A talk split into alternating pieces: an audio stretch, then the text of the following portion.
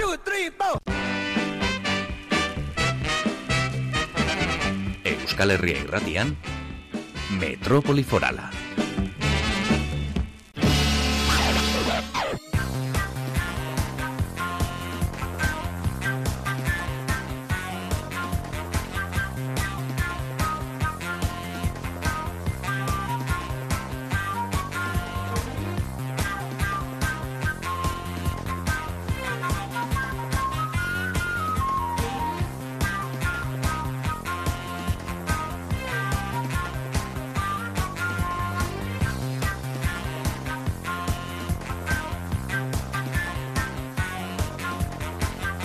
Egun honen zule, goizeko bederatziak eta hiru minutu dira, martxoak e, hogeita maika egun ditu, eta martxoaren azkeneko eguna.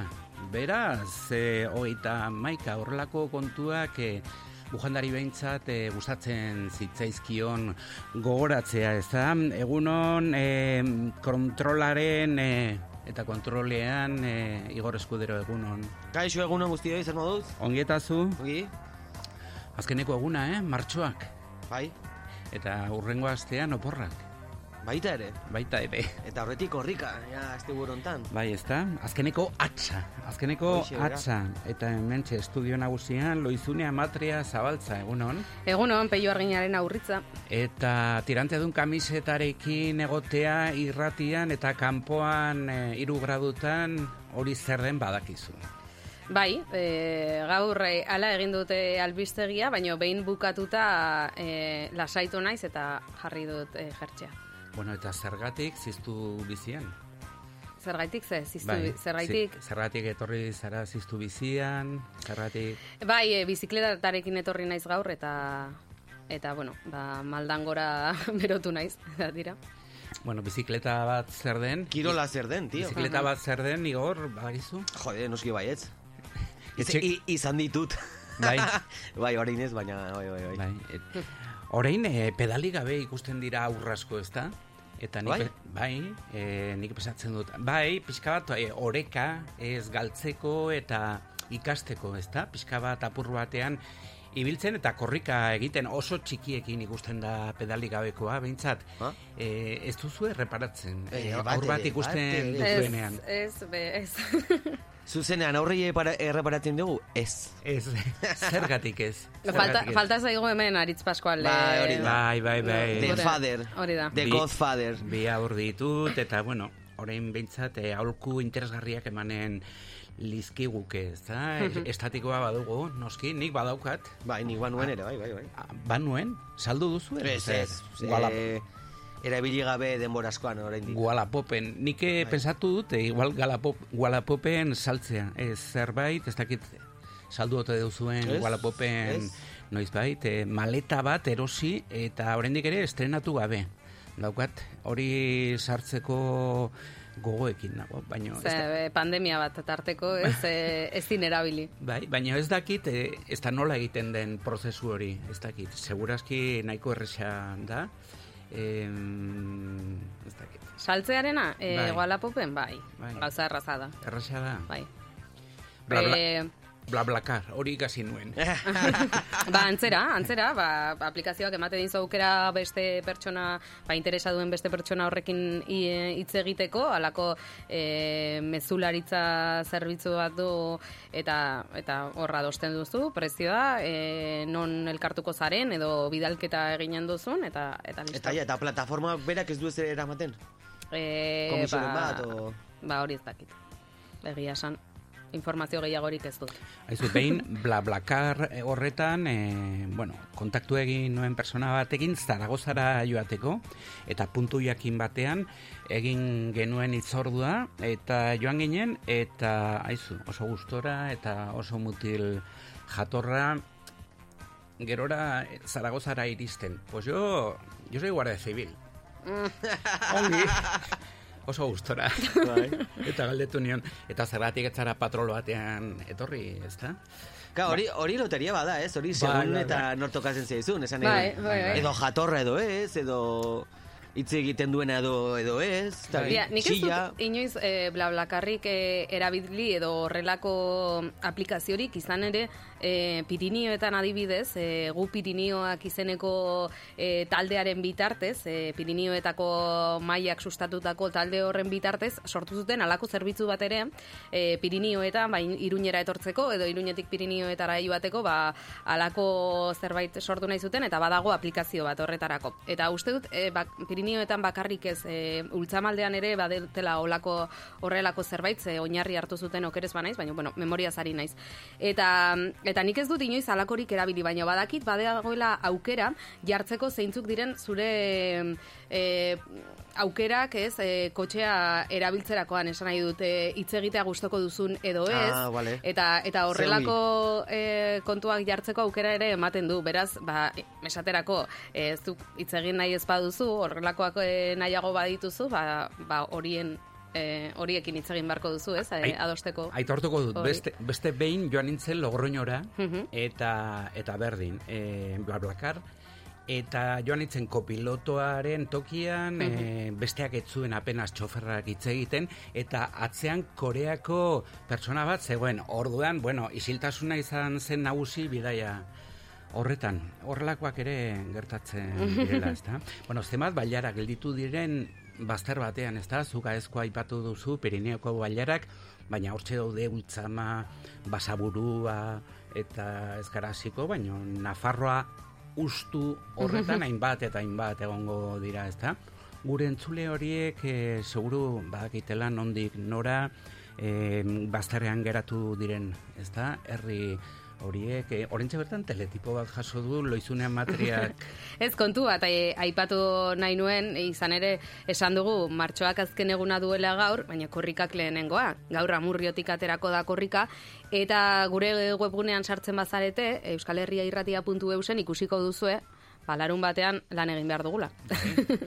Lau orduko saio berezia ginen dugula, korrikaren iruñerriko ibilbidearen berri emateko, goizeko bederatzietan hasiko da saio berezi hori, eta ordu batak bitartean e, ariko gara zuzenean kontakizuna eginez, e, bi moto ere erabiliko ditugu, hainbat berri emai ere izanen ditugu, elkarrizketak eta eta horrelako kontuak. Lau orduko saioa, eh, Bai. kanpoan. Nik ezin du- Motorrekin. E, norbaitek Euskal Herri Erratiko kazetairen bat, hori Euskal Herri Erratiko mikrofonarekin ikusten baldin badu, ba, ez dakit, eh, kaldiko bat edo zerbait atera, tio, hor, beharko du segurazki. Bai, ni korresponsal berezi joango naiz e, mundakara, eta bertan hezkuntza batean egonen naiz, eta kargu politiko ezagun oso ezagun baten e, alabaren hezkuntzan hain zuzen ere. Baina eske ez du ambito hoietan mugitzen zara. Bai, ez bai. eske... Bai, bai, bai. Herri Eta xeia, kalean egongo gara. Abesbatzare, gu ere Gure jendearekin. Bai, e, jango naizen ezkontza horretan ez, ez dira izanen oso, oso gure esa, oso gure estiloko pertsonak. Hortxe, utziko dugu, ezta? Bueno, e, gure entzulei eskatuko diegu kontatzeko ze asmo duten, ez? Larun batean, e, korrika iruñerrira gerturatuko da, e, iruñerria zeharkatuko du zehazki, e, non duzue kilometroa, e, ez dakit, e, lekuko hart- hartuko duzuen edo ez, ba, konta iguzue. Hori da. 6 zortzi, bederatzi bat, zortzi bederatzi, bederatzi sei. Eta gaur aktualitatea, e, nondik nora, loizune? Bada, e, sumatuko zenuten aritz Pascual ez dela gurekin, ostegunero bezala Nafarroako parlamentura joan da, gaur e, osoko bilkura dutelako bertan, bi gai interesgarri landuko dituzte, hitzarmen ekonomikoaren legearen e, moldaketa onartuko dute, e, PSNek e, Navarra sumarekin e, botoak e, eskuratu ditu, eta horri esker onartzerik izanen du Nafarroako gobernuak Espainiako gobernuarekin adostutako testua, eta bestalde, e, Navarra sumak e, erligioko irakasleen blindatzea eskatzeko lege proposamen bat e, aurkeztuko du, gaur tramitera onartuko dute, baina kasu honetan geroa bairen aldeko botoekin izanen da hori, beraz e, bi kasutan esan dezakegu UPN aterako dela garai, garaie. Hori alor e, politikoan izanen dugun nagusiena, bestalde alor sindikalean e, bi protesta, hiru protesta aipatuko ditugu, ISNN enpresako langileak greban dira martxoaren amaseitik, eta gaur e, autokarabana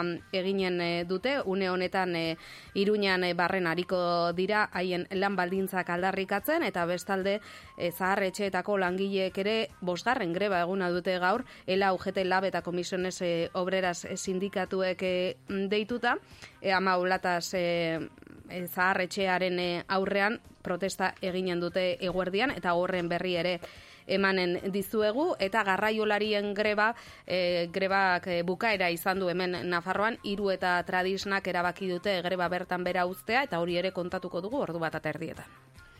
Oso ongi, bederatziak eta mabi minutu dira. Optika iruñaren eskutik, prentsa irakurketa. Zatoz gure optika eta entzumen zentrora. Aiozko monasterioa lau eta optikaliruña.com.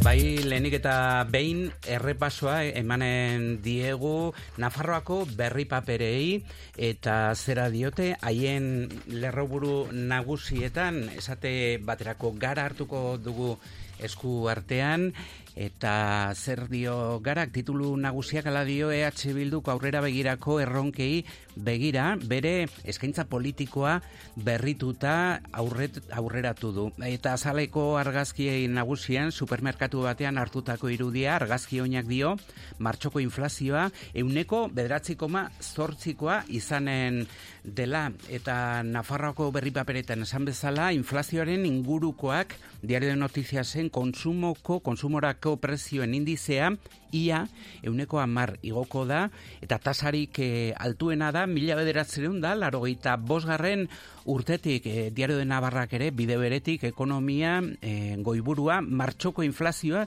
bederatzeko mazortzi, puntu igoko da eta igo da dagoeneko eta egoera larrian uzten ditu hainbat familia eta enpresa eta jarraian eh, eskuartean hartuko duguna berria izanen da, goiburu nagusiak aladio, Sánchezek adirazi du nazio batuen elkartearen esparruan sartzen dela Sahararen autonomia. Marokoren eta Mendebaldeko Sahararen arteko gatazkan rabaten proposamena onartu izana justifikatu du Espainiako presidenteak kongresuan.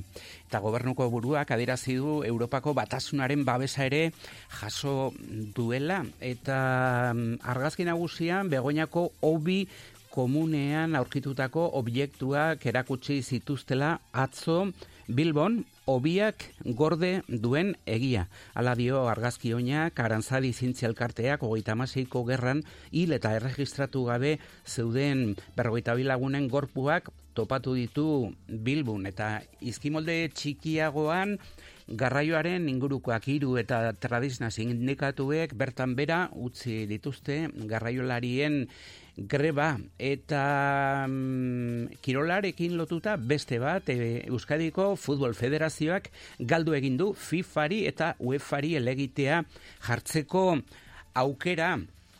Hauesek e, titular nagusiak eta eta argazki bat diario de Navarran ikusi duguna.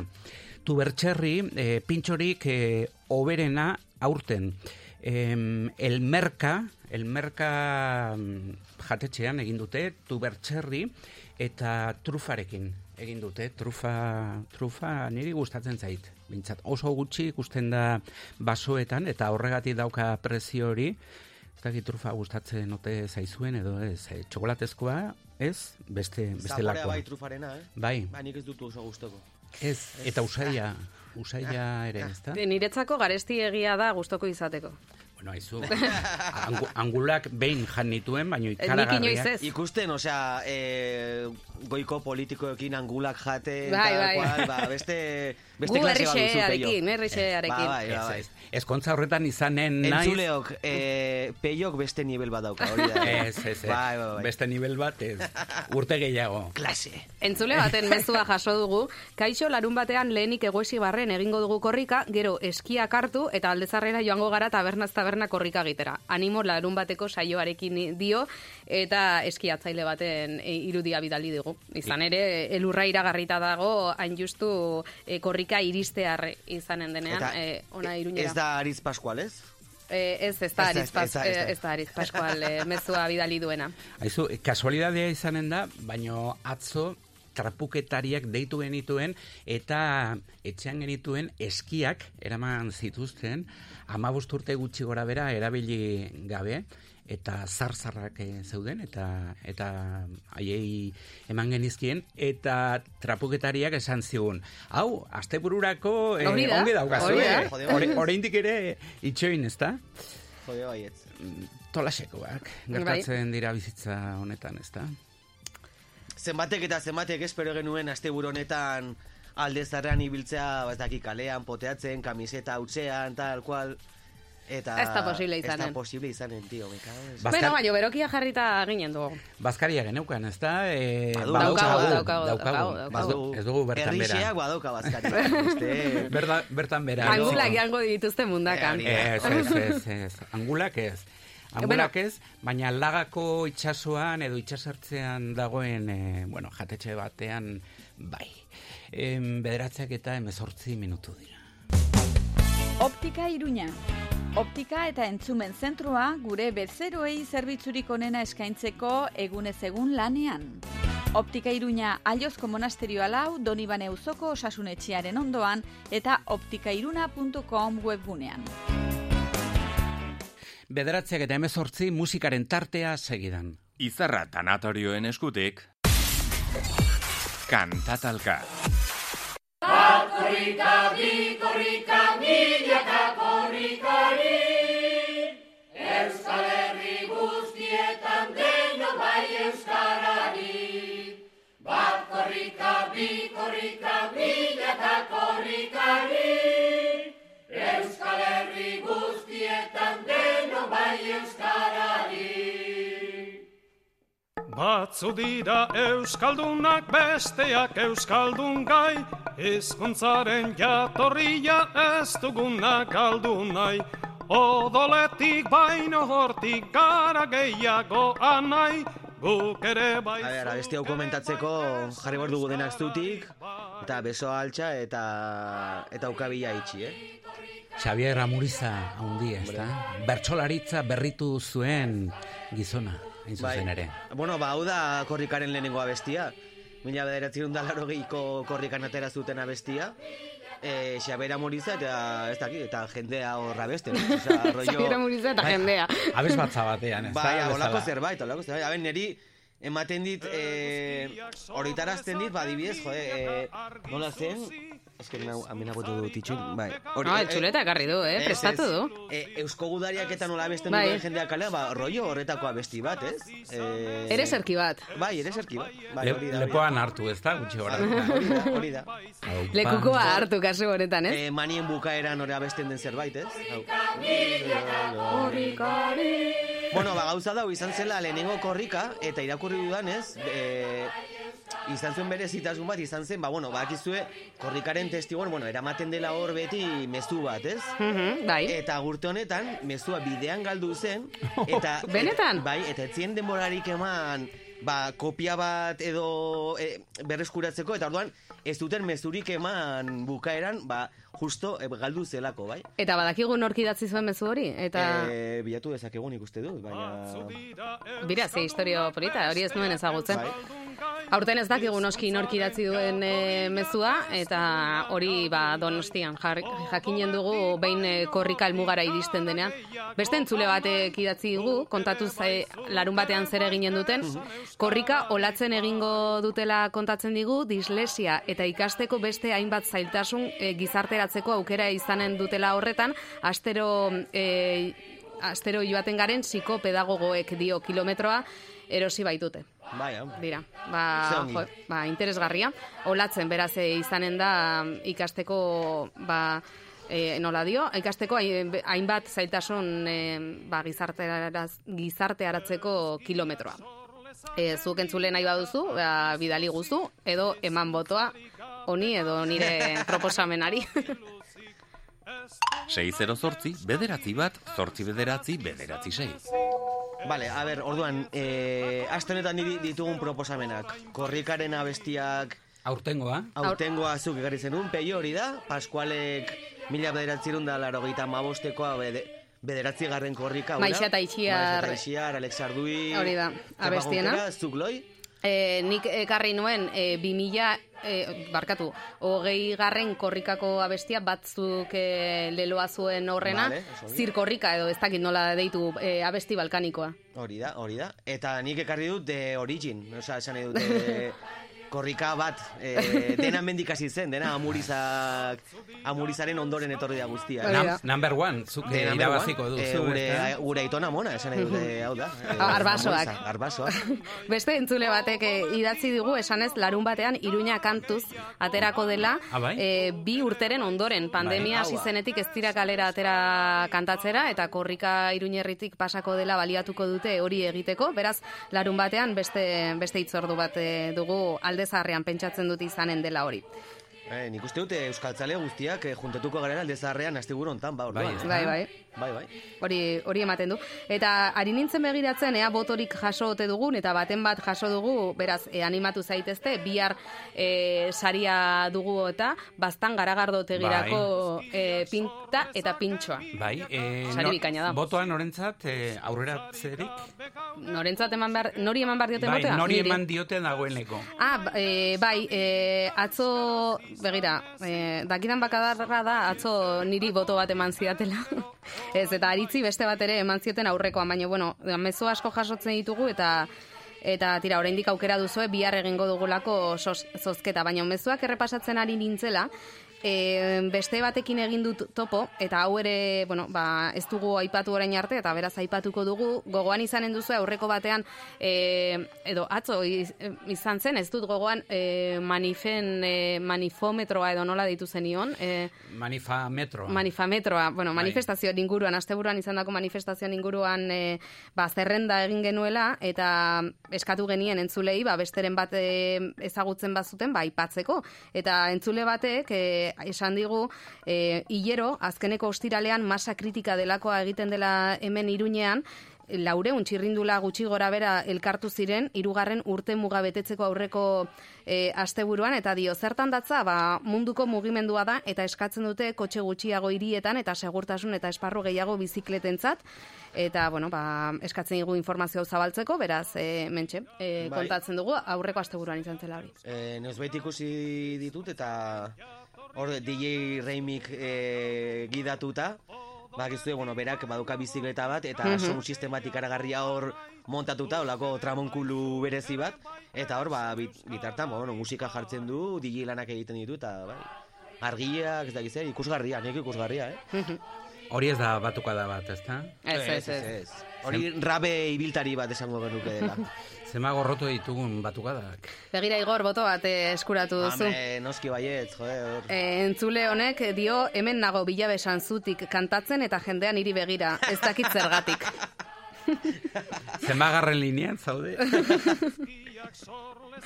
Milaka argi zuzi, hizkuntzari gabe gaude utxik eta biluzik.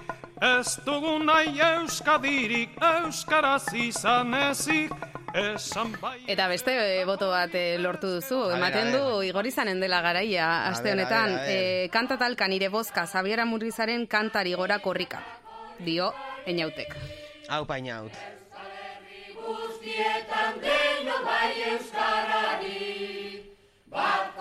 Jode, horrelako abesti bat izan da, arraro egiten zen, nola muguruzak, ba, nola, e, aterazuen azkeneko abestia purtzaia zen, ez? Bai. Ba, Mademoiselle, no seke, ez, olako... Bai. Jode, ba, e, sanplatu zezaketen, hau. Ez? Ba, Gainera, bai. uste dut, e, hogei garen urtorena dolako zebeti ingo zituen, 2000 eta emeretzin izan zen azkeneko korrika, okerez baldin manago, ez Bai, bai, emeretzian. Bale, hau laro gehian zen, bueno, iaia, e, hogei ez, berrogei urte, tio. Ber, Ber- ba- bai. berrogei, berrogei urte, da. garren, berrogei garren urte hurrena. Eta hau, bueno, ba, ez dakit, hau sanpleatzeko, ba, badauka kutsu berezia, hau sanpleatu, e, bombo kaxa bat sartu, regetoi rollo bat egin, ez dakit. Nik ikusten dut, eh? Ba, datorren urterako, propo, da, datorren korrikarako proposamena izan daiteke. Beste, Eta Kasiano berpizten badugu? Kasianok egin altzuen korrikarako ez, abestirik. ez, baino, bizi izan balitz, seguru baiet. Seguro, seguro. E, boto bat eskuratu dut. Korrika balkanikoari ematen diot nire botoa dio entzule honek. Eskerrik asko. Eta korrikaren abestiak ikusten, hemen, markatu, ikusten ditugu ez dira eh, dena dena dantzagarriak izan. Ez, ez, bia, lehenengo hau ere, ez, korrika egiteko. Adibidez, hau mega reivindikatibo, ez, horreio? Baina, bueno, baina agian lehenengo edizioa izan zen, bai, orduan, baina, ba, ikusten dudan, ez, agian ez zuten oso argi, ez? Eh, lontxoa buruzak egin zuen beste bat, ez dut entzuna, baina, a ber, dantzagarria ez dakit iz, izanen zen. Eta Ruperrek, eta Ruper Laboak egin ere zen bat ere dantzagarria, ez? ez? Dantzagarria. Gero, badu hemen eh, kopla batzuk, korrika sei, eh, mila beratzen dara rogeita bederatzikoan, eh, korrikarako koplak ditzen dira, eta ez dago besterik, kopla batzuk, ez? Irigoien anaiak, ez dakit. Badaude hor abesti batzuk, entzuneko nituzkenak, bai, bai, bai. Bueno, larun bateko saioan denak jarri beharko ditugu, Hori da, beraz. hori da. Izanen du aukera denak Hori da, entzuteko. Bai, bai, bai. Bai, saio hori bederatzietan hasiko da, ezta? Ordu batak bitartean luzatuko da.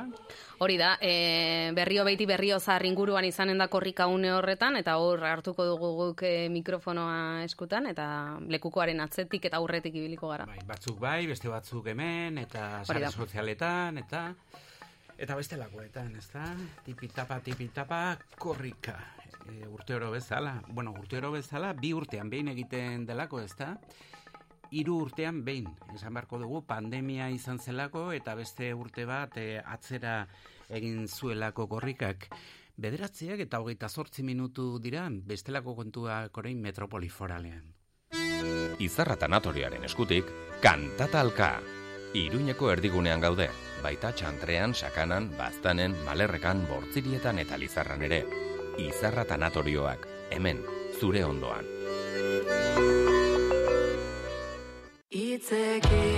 Hitzekin Euskal Herria irratiarekin. Larun batean korrikak iruñerria zeharkatzen duen bitartean, lau orduko saio berezia. Goitzeko bederatzitatik ordu batera, bi moto, hainbat berri maile, amaika elkarrizketa. Ekin korrikari Euskal Herria irratiaren Thank you.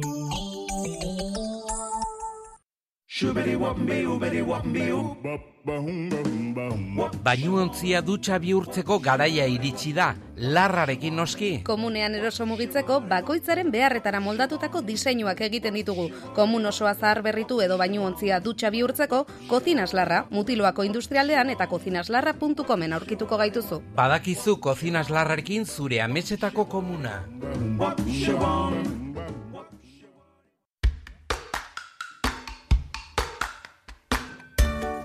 Erosteko beste modu baten alde eta elikadura osasungarriago baten alde egiten baduzu, zatoz iruñeko zabalgunera edo jarri harremanetan eskura dituzun irurogei saltokiekin gure webgunearen bidez, mercadodelensanche.com.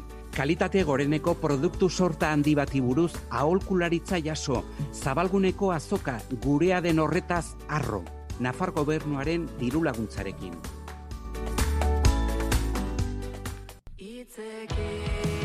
Eldu da korrika, hitzekin martxoaren hogeita maikatik apirilaren amarrera, geroa baik korrika ospakizunarekin bat egiten du. Amurriotik donostiara euskarari bai, geroa bai.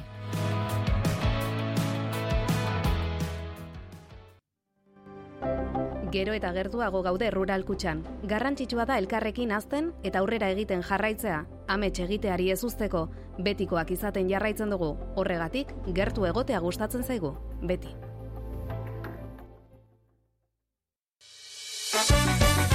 Biatz, rokodromoa, maila guztietako erronkekin ornituriko bulder instalazio zabalak, kirol eskaladan aritzeko lekua, zailtasun ezberdineko bide eta makurdura aldakorrekin. Adin eta maila guztietako ikastaroak, astapenekoa sei urtetik gorako aurrentzakoak eta helduentzako entrenamenduak taldeka. Informazio guztia, biatz.com webunean eta sare sozialetan. Biatz rokodromoa, landabengo industrialdean gaude. Euskara da kanporata denok korrikara. Feliz vulkanizatze lanak, olio aldaketa eta vulkanizatze lan guztiak. Feliz vulkanizatze lanak, San Salvador kalea burlata, atarabiko mugatik hurbil, aurrera beti, beti aurrera korrika.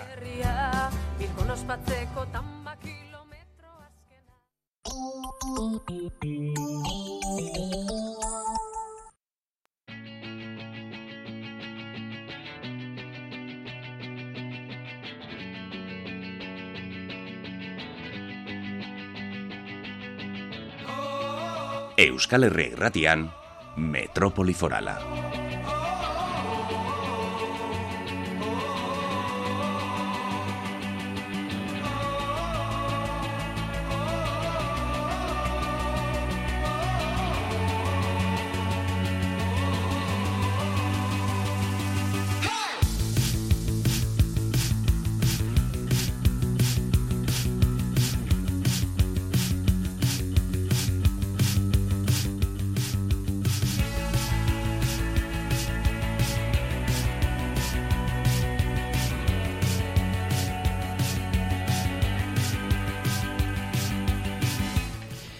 Mila bederatzerun eta irurogeita magbi garren urtean sortu zen zientzia eta euskara uztartzeko asmoz, gaur egun zientzia ez ezik, hizkuntza zerbitzuak, adimen artifiziala, hizkuntza teknologiak eta gizarte aurkularitza eskaintzen ditu elujarrek, Honako xede honekin e, euskaratik teknologiaz eta ezagutzaz baliatuz eta zientzia zabalduz gizarte aktibo kritiko eta berdintzalea eraikitzea Jon Abril zuzendaria.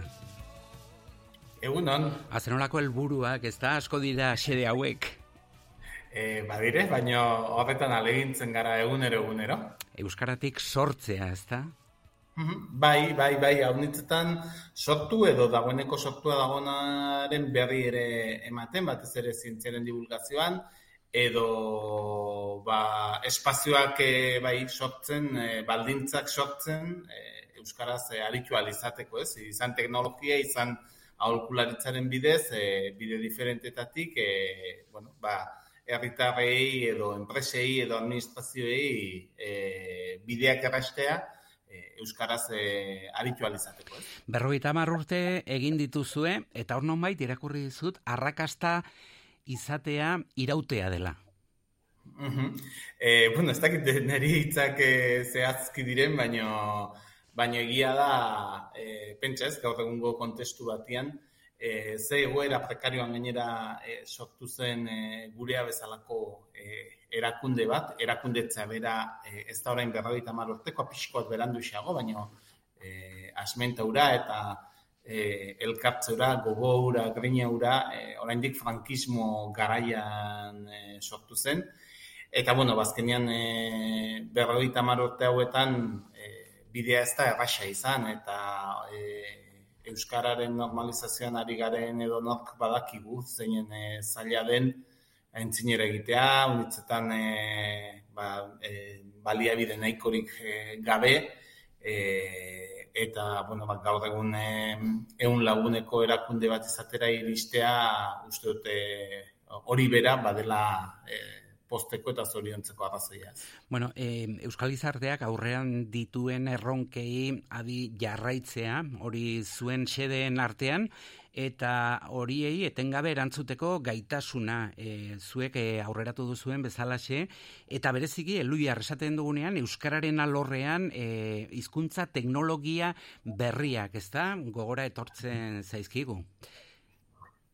Bai, bai, bai. E, bueno, alor desberdinetan ari gara bat bada hizkuntza teknologia eta adimen artifizialarekin e, lotutako eremu guzia, hor gabiltza e, ahotsa e, rekonozitzen duten e, e, produktuak garatzen edo ahots sintetizadoreak, hau da testuak e, irakortzeko gai izango diren e, makinak, euskaraz irakortzeko gai izan diren makinak e, e, sortzen, edo e, testu kopuru handietan e, euskara bera ere bilatzen edo itzultzaile automatikoa elia.eus e, baizugarri arrakastatxu eta arrena hona izan duen e, teknologia garatzen, baina bagabiltza ere ez, ba, itzulpen gintza ez bakarrik automatikoan, baita pertsonek egindako itzulpen gintzan eta bereziki itzulpen gintza espezializatuan, bagabiltza e, enpresetan euskara sustatzeko planetan, bagabiltza e, euskara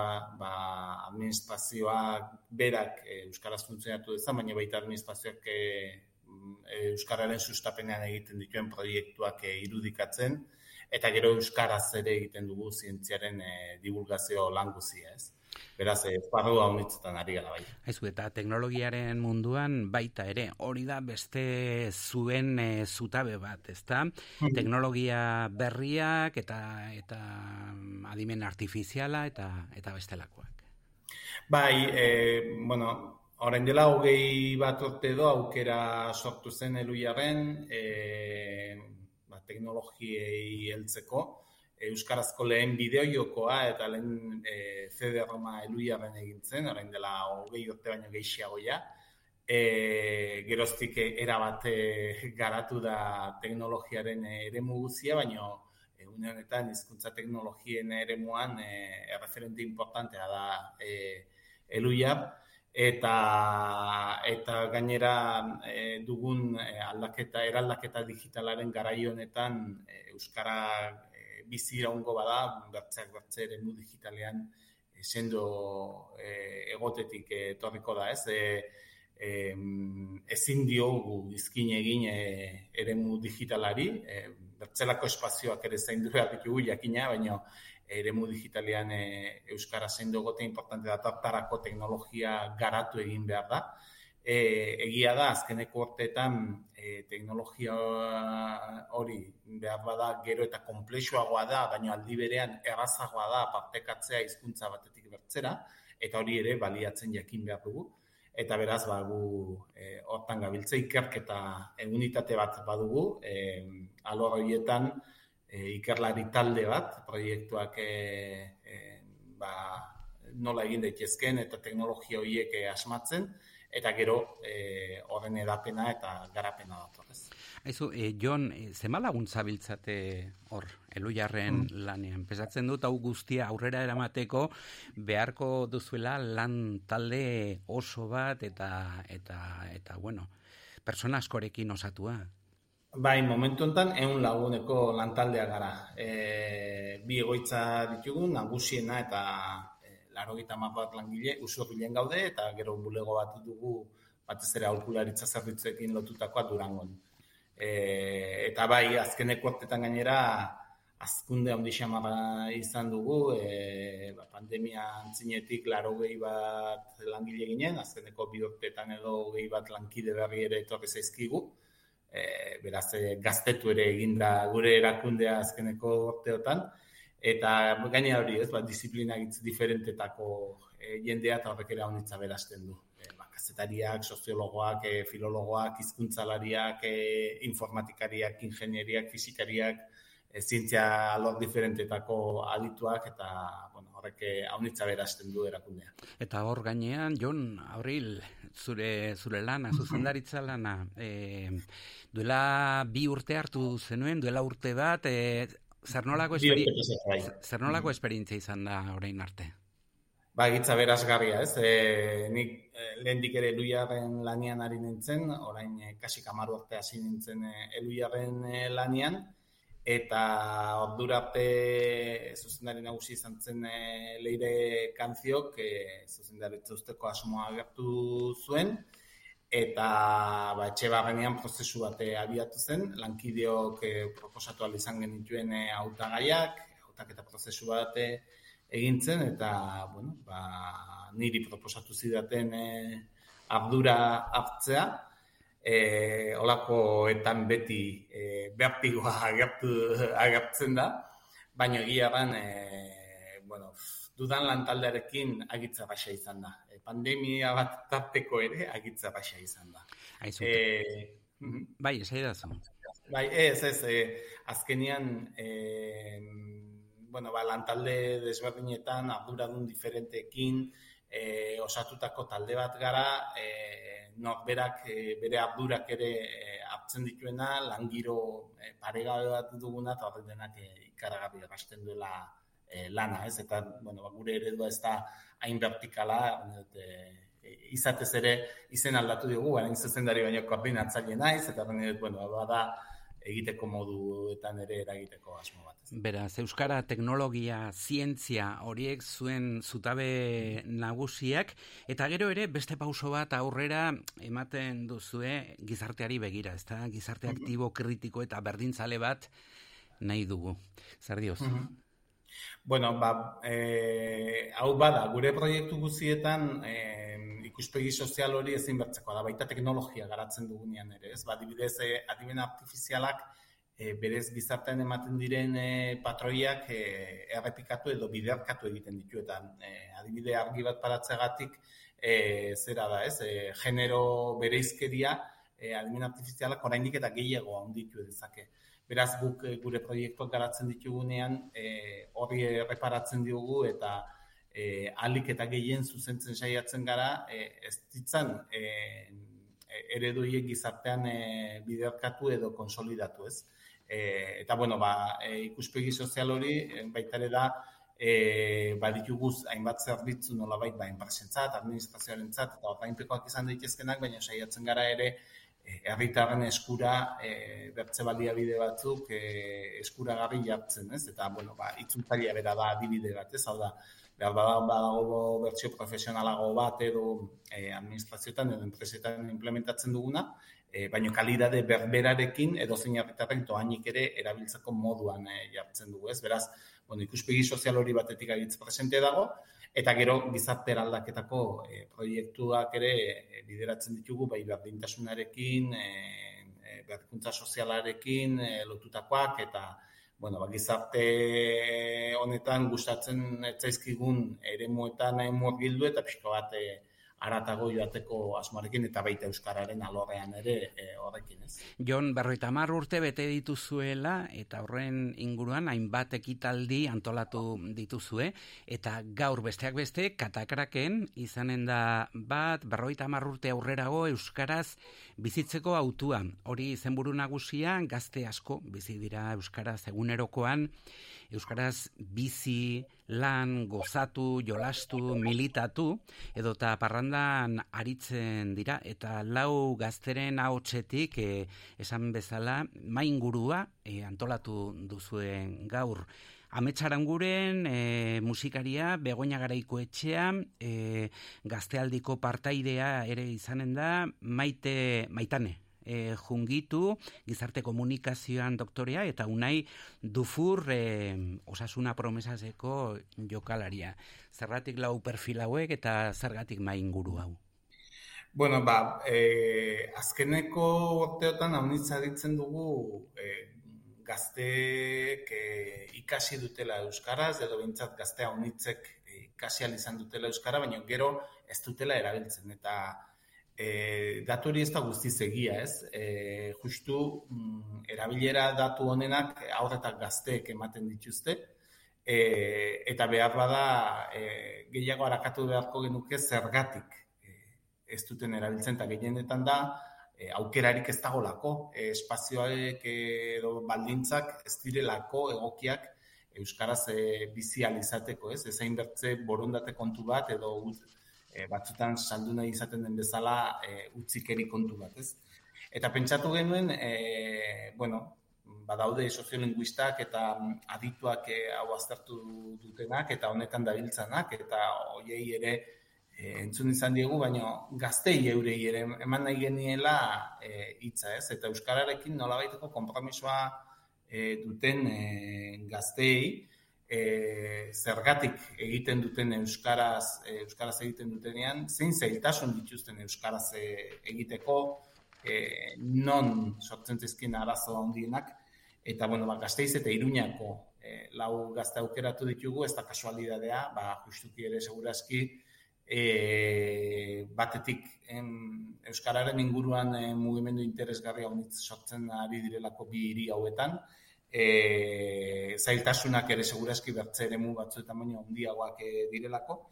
Eta nahi aukeratu ditugu lau ere agitz diferentetako e, gazteak. E, unai dufu e, kirolaria, kirol munduan, bueno, osasunak azkenek urtetan alegin bat egin du gutienez e, bai irudialdetik, e, bere jokalariei ere euskara eskolak ematen, komunikazioan, bueno, iruditzen zaigu e, badagola bintzat bide bat, eta e, hori bera e, unai eskatu diogu kontatzeko ia berak ere hori nola e, bizi duen e, klub e, barruan eta gero bere eguneroko bizitzan ere ez.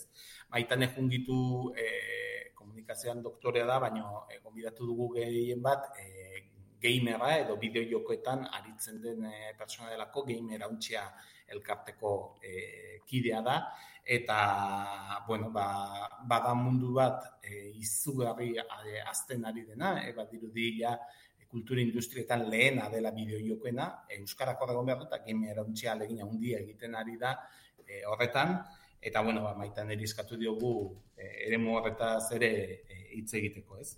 E, Begoña garaiko etxea ikaslea da, Nafarroko Unibertsitate Publikoan, ba, ikasle baten begira da ere jaso nahi genuen, taldi berean ba, gaztealdia bezalako ekimen batean parte hartu zuen, Euskaraz e, ba, amarregunez bizitzeko alegin batean, esperientzia horretatik e, konta ezagun e, nahi dugu, eta ametsaran guren ibilbedi musika taldeko abeslaria, e, laba mugimenduan ere e, badabilena, eta bueno, bai interesgarria, bai saxofoi jotzailea eta interesgarria iruditzen zitzaigun ere e, zera, ez, e, bueno, ba, kulturaren alorra horretatik ere ahots bat e, entzut. Eta beraz, bueno, asmoa da bakoitzari e, hasieran eskatuko diogu e, nola bizi duen eta zer harreman duen e, egunerokoan euskararekin eta gero ja sola saldi mai inguru batean e, lauekin batera. Eta mai inguru hori zeiterdietan izango da katakarak berroita urte aurrerago euskaraz bizitzeko autua elujarrek berroita mar urte bete dituela Jon Abril zuzendaria koordinatzailea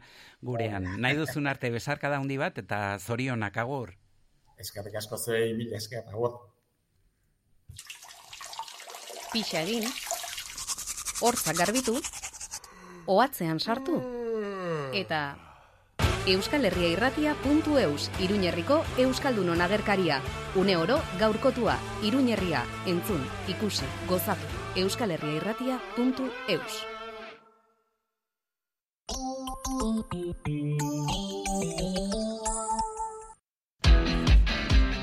Posten gara ermitagainako merkatuan zu ikusteaz, bertan zerbitzurik onena, kalitatezko produktuak eta higiene eta osasun baldintza egokienak zuri eskaintzeko lanean ari baikara. Baina nahiago baduzu erosketak etxera eramatea, deitu 6 lau lau, bost bat bederatzi bost, 6 bederatzi telefonora, edo sartu merkadoenkasa.us webgunean eta esaiguzu zer nahi duzun eramatea. Ermitagainako azoka beti zurekin, Nafarroako gobernuaren dirulaguntzarekin. Eta orain panpi zure gaia. Baztan bidasoako nekazaritza eta beltzaintza ekologikoa ekia biodendan. Batzutan asezina baitu gure bibegien soa. Begirada bat ez nola ikus gure eskualde osoa. Zurea egin nahi baduzu daukagun paradisoa. Sabelean goza dezakezu gure bastan bidasoa. Karrikiri kantolatuta nano antzerki aroa. Apirilak zazpi osteguna zazpiterrietan karrikiri elkartean bihotz, bihotz, bitxotx, garazi samartinekin. Sarerak salgai karrikirin iru eurotan. Nano antzerki aroa iruñeko udalan Nafarroko gobernuak eta eusko jaurlaritzak babestuta karrikiri iruñeko euskaldunon topagunea Xavier Karrika lau. Noainen, serreria espartza. Zurdindegi eta ebanisterietarako hornikuntza. Altzariak, eskailerak eta upelak egiteko askotariko zura. Gaztainondoa, gereziondoa, lizarra, informazio gehiago, serreriaesparza.com webunean.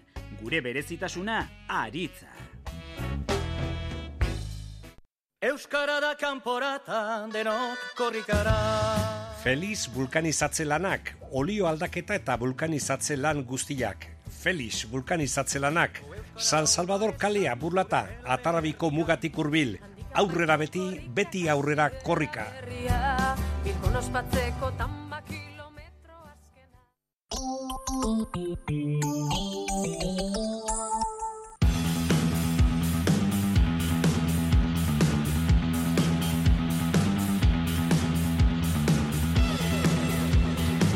Euskal Herria irratian, Metropoli Forala, Pello Arginaren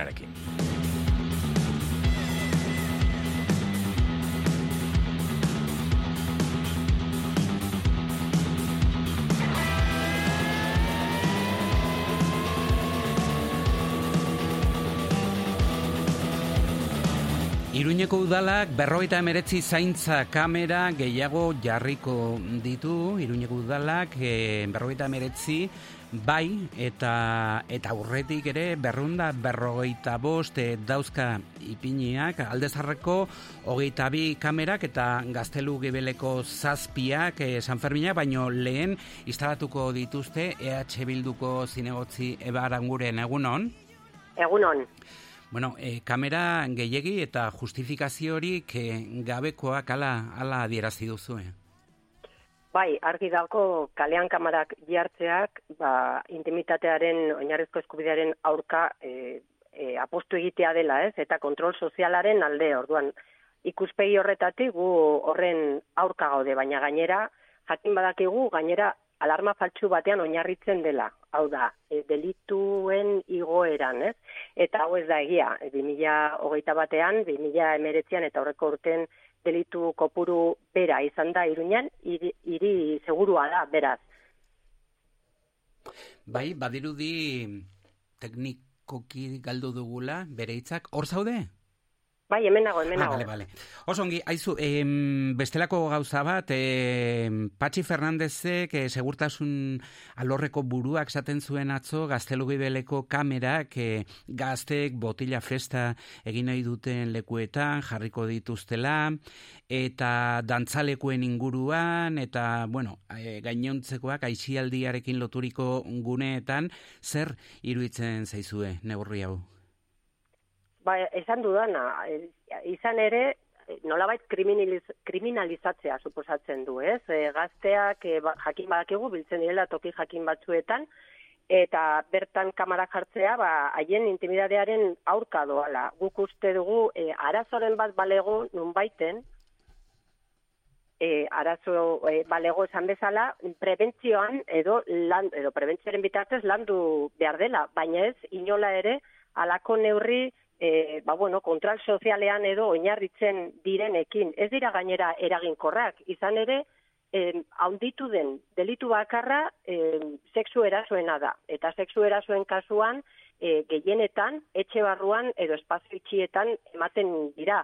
Beraz, kamara batek ez du e, e, inola ere e, ekidingo. Beste motatako neurriak hartu behar dira eta beste motatako e, tresnak erabili. Izan ere hor badugu eraso sexisten aurkako protokolo bat, azkeneko plenoan e, guk proposatu genuen zabaltzea urte osora eta gainera aizialdiko esparru ezberdinetara, hau da, ostalaritzarekin lan egitea, ba, nolabait sensibilizatzeko eta beste motatako erantzunak emateko, ez? Alako erasoak e, ematen direnean barruan eta e, bideo honetan adibidez galdetu genuen, baina ez da pausurik e, eman. Beraz, argi dago kamaren afera, ba, eskuinaren diskurtsarekin e, bat egiten duen estrategia dela, baina kontrol sozialean eta esan bezala intimidadearen e, eskubidearen aurka doala. Eta ez, e, ba, arazoak, arazoak dauden tokian eta, eta baldin badaude, e, konpontze aldera. Aizu, beste gauza bat, e, kostuari dagokionez, e, bosten mila euroko gastu zuzena, ekarriko du proiektu honek, e, beraz, e, milioi erdi euro, e, zer iruditzen zaizue diru gastu hau? Ba, izugarrizko xauk eta iruditzen zaigu, momentu honetan. Gainera, aldi berean, Navarra Sumako gobernuak iragarri ditu hainbat e, murrizketa, eta gainera iragarri dituen e, murrizketak e, zerbitzu sozialetan eta beste e, oinarrizko e, zerbitzuetan izan da. Guk ez ditugu onartuko, baina ala eta guztiz ere, izugarrizko kontra esan ikusten dugu alako murrizketak iragarri eta aldi berean ba, gutxirako balioko duten e, kamara horiek jartzeko ba, milioi erdia e, erabiltzea. Ez? Izugarrizko xauketa. Horre, esaten da askotan, ez da? Gazteria plana udalek eskuartean dutela, baino gehiago kriminalizatzera jotzen duela zuen hitzetan, ez da? Gazteria plana sustatzera baino. Bai, argi dago, adibidez momentu honetan, eta gainera hainbat datuek e, erakutsi izan dute, pandemiak eta kudeatu den modua, ba, eragin zuzena izan duela gazteriaren gan, ez? Eragin okerra gainera, ez? Alde batetik, e, kontsumoak, ez, drogea ezberdinen kontsumoak gora egin izan du, eta bestalde, ba, osasun psikologikoa eta emozionala, ba, okertu egin da, ez? Hor datuak oso argiak dira, bai, osasun gintzatik datozenak, eta baita ere, udaltzengoak berak, ba, e, hain zuzen ere, hau dirego diren ere beste delituak e, eman dituenak. Orduan, e, nola egin aurre egoera honi? Ba, nola ez, alde batetik gaztediarekin hitz eginez, eta hor badago, pues, gaztediaren maila eta beste esparru batzu, ez? Bertan lantzen ari zen gaztediaren plana, baina ez dugu horren berri galdetu izan dugun bakoitzean, bai lan egiten ari gara, baina ez dute ez errez ekarri. Horregatik, iruditzen zaigu, e, ez diotela inola ere ez, e, indarre ematen, e, ba, alternatibak e, lantzeari edo gaztediarekin batera e, aztertzeko e, erantzunak edo e, ez esparroiek lantzeari eta aldiz kriminalizatzeko e, bidea hartu izan dute. Ez bakarri kamara hauekin, gogorakarri behar dugu ere, nola e, maia jaunak e, urtarrietik aurrera, ba, izugarrizko diskurtso arrazista protagonizatu izan zuen eta gainera erreprobatua izan zen horregatik eta bertan ez bakarri gazteak baizik eta kanpotik etorritako adin txikikoak jomugan jarri zituen. Eta hau nolabait e, bueno, ba, estrategia horren bigarren e, fasea litzateke. Horregatik dutzen zaigu erabat ankerra eta bueno, izugarrizko akatsa. Ez du arazori konpontzen eta gainera kriminalizazioaren e, bidetik e, bueno, pues, e, hor sakontzen jarraitzen du. Iruñegu dalak, berroita meretzi zaintza kamera, gehiago ezarriko dituela, esan bezala, dagoeneko berreunda, berrogeita bost dauzka, aldaizarreko hogeita bi kamerak eta gaztelu gibeleko zazpiak, San Fermina baino lehen, instalatuko dituzte, EH Bilduko zinegotzi ebaran guren, nahi duzun arte ongizan. Agur, eskerrik asko. Zure negozioari bultzada eman nahi diozu? Ekitaldi baterako deia zabaldu nahi duzu? Jarri iragarkia zurean, gurean, Euskal Herria irratian. Idatzi, publi, abildua, euskalherriairratia.eus elbidera. Edo deitu, bederatzi lau sortzi, bat zazpi, 0 bat, bost bat, telefono zenbakira. Publizitatea bertatik bertara.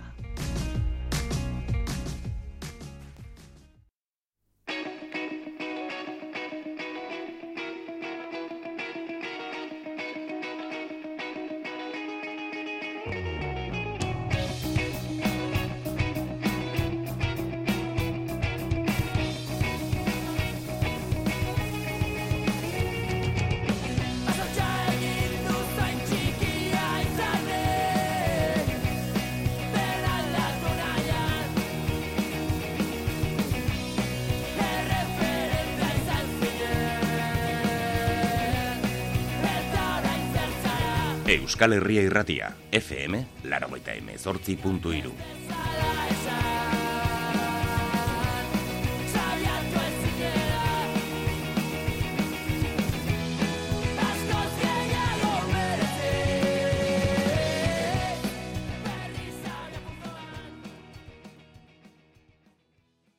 Goizeko amarrak dira. Euskadi Irratiko Informazio Zerbitzuak. Albisteak. Egun guztioi pandemiak eragindako etenaren ondoren, korrika gaur hasiko da berriro ere zeharkatzen Euskal Herriko errepideak. Hitzetatik ekintzetara igarotzeko garaia uste duelako, hitz ekin goiburu aukeratu duaekak, gaur amurrion hasiko den hogeita bigarren korrikaren lelo izateko. Amurriotik arratsaldeko lauterdietan atera ondoren, aiaraldea zeharkatu eta bizkaian sartuko da korrika hartzini egan barrena. Askierra mondo korrikaren arduradunak faktoria saioan gogoratu digu, korrika dela Euskaren aldeko ekitaldi anitzena uste dut hori korrika badala Euskaren alde egiten den ekitaldirik jendetzuena, handiena, e, jende ezberdin asko biltzen dituena, eta korrikak berak ere e, hori bilatu izan du azkenen gurteotan, eh? Salek eta jende gehien Euskaren aldeko tasun horretan jartzea, eta orain honetan eskatzen duguna da, hitzak e, eta ekimenak egitea, ez? Hitzekin, lelorrekin. Bizkaian, erasoekin lotutako atxiloketak dira gaur albiste. Segurtasun sailak baiestatu digu, bi lagun atxilotu dituztela, etxeko indarkeria delitu batengatik, kasu honetan bereiziki zaurgarria den personaren aurkako delitu batengatik, baina gertatua epailea ikertzen ari denez sekretupean dagoela. Korre egunkariak ala ere argitaratu du atxilotuak hogeita bi, eta emezortze urteko neskamutilak direla eta erasoaren biktima gurutzetako ospitalean ingresatu duten hiru hilabeteko semea dela. Bi ezurra utxita eta begibatu belduta zuela eraman zuten gurasoek ospitalera igandean eta ertzaintzak etxeko indarkeria leporatuta atxilotu ditu biak. Bestetik, zazpi sexu eraso leporatu dizkioten hogeita mala urteko gizon bat espetxean sartu dute epailearen aginduz. Azken sexu erasoa barakaldon egin bide zuen igandean. Biktimari gainera labanaz mehatxu eginez segurtasun sailak zehaztu duenez. Zazpi sexu eraso hauek guztiak barakaldon eta sestaon egin zituela azaldu du ertzaintzak eta jokabidea berdintxoa izan dela kasu guztietan. Biktimaren gana hurbiltzen zen egun argitan sexu ukituak egin eta biktimak aurre egiten bazion oldartu egiten zitzaion. Atxilotuak aurrekari asko ditu eta orain baino lehen hogeita bost aldiz atxilotu du ertzaintzak sexu eraso, mehatxu, laporreta eta bestelako erasoengatik gehienak Bizkaiko bi herriotan barakaldon eta sestaon eginak. Ukraina eta Rusiako negoziazio taldeak bihar berriro elkartuko dira, baina kasu honetan telematikoki Ukrainako negoziazio taldeak jakinarazi duenez. Azkeneko aldiz, aste artean elkartu ziren bi ordezkaritzak Turkian, besteak beste Ukrainaren neutraltasunaz eta Donbasen etorkizuna etorkizuna hitz egiteko. Hain zuzen, Ukrainako gobernuak salatu du Errusia Donbasen indarrak metatzen ari dela eraso gehiago antolatzeko bertatik. Errusiaren esanetan berriz, bosteun mila errefusiatu iritsi dira Errusiara inbazioa hasi zenetik gehienak Donetsk eta Lugansko errepubliketatik. Errusiak bien bitartean sueten iragarri du Mariupolen, Errusiak inguratua duen iriunatatik, herritarrak atera daitezen Kiev Mikel Aiestaran. Egun hon, Errusiak suetena aldarrikatu du Mariupolen, armak isilduko direla, esan du Moskuk zibilen irteera aurrera eramateko. Zuhurtziaz aztertu behar dira Moskuk egindako iragarpenak. Istanbulen, Ukrainarrekin bildu ondoren, jarduera militarra drastikoki murrizteko presta saldu zen, Kiev iparraldeko frontean eta kontrakoa gertatu baita. Borrokak ez du etenik eta zibilen evakuazioa ezin bestekoa da iparraldean. Irpin irian esateko, borroketan berreun bizilagun baino gehiago galdu direla ziurtatu du alkateak. Irpin kebeko atea da eta Ukrainarrek zubiak bota zituzten etxaiaren aurrerapena eragozteko. Zibilek hiriburura ies egiten dute orain leku seguru baten bila. Horietako asko kiru aste mandituzte sotoetan itxita, alaxe igaro zuten Errusiako indarrekan. Armak ez dira isildu, baina estatu batuetako inteligentziak dio, Kiep iparraldean tropen mugimenduak daudela, eta Txernobiletik esateko irten direla Errusiarrak. Errepide sare nagusian hartazago errepidean getxu inguruan hiru ibilgailuk ez beharra izan dute sopelarantz eta herri bat itxita dago orain segurtasun saila gainera esan digu persona bat zaurituta erietxera eraman dutela autoilarak daude bertan bosteun metro ingurukoak. Bilboko tauko langileek greba egune dute gaur bestalde Bilbon tau zerbitzua gertek enpresak eskaintzen du udalak azpi kontratatuta eta azkena amaika urteetan lan hitzarmena ezin izan dutelako berritu deitu dute greba sindikatuek goizeko zortzietatik orain arte protesta bilkura egin dute Bilboko udaletxe onduan. Euskalmeten iragarpenaren arabera eguraldi hotz eta euritsua izango dugu gaurkoa. Euritsua kantauri surian batipat arratsaldean giroa desegon kortu eta zaparrada trumoitsuak egingo ditu, eta seiun metrotara iritsiko da elurra egunaren amaieran. Aizea iparretik iritsiko da eta indarriz, indarrez astinduko du itxasartzean eta aizebe egitan baita ebro ibarrean ere. Temperatura beste apur bat jeitsiko da eta gaur ez gara amairu gradutatik igaruko. Goizeko amaiketan izango da aurrengo albiste mankizun hemen, Euskadi Girratian eta interneten albisteak beti eskura eitb.eu satarian. EITB komunikazio taldea.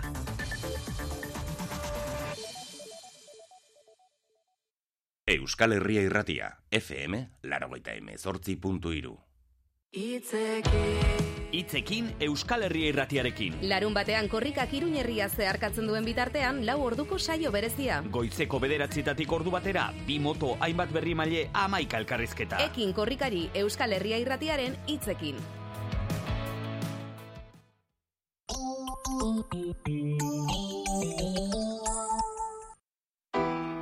Mundu Karrikirik hogeita bost urte, maiatzaren zazpian larun bata arratsaldeko zortzietan, baluarteko kamara aretoan, anari. Sarrerak, irubebikoitz, baluarte.comen. Agendari buruzko informazio guztia, irubebikoitz, karrikiri.eusatarian. Antzokia kulturelkartea, Iruñeko udala, Nafarroako gobernua eta Eusko jaurlaritzaren laguntzarekin. Karrikiri, Iruñeko Euskaldunon topagunea, Xavier Karrikalau.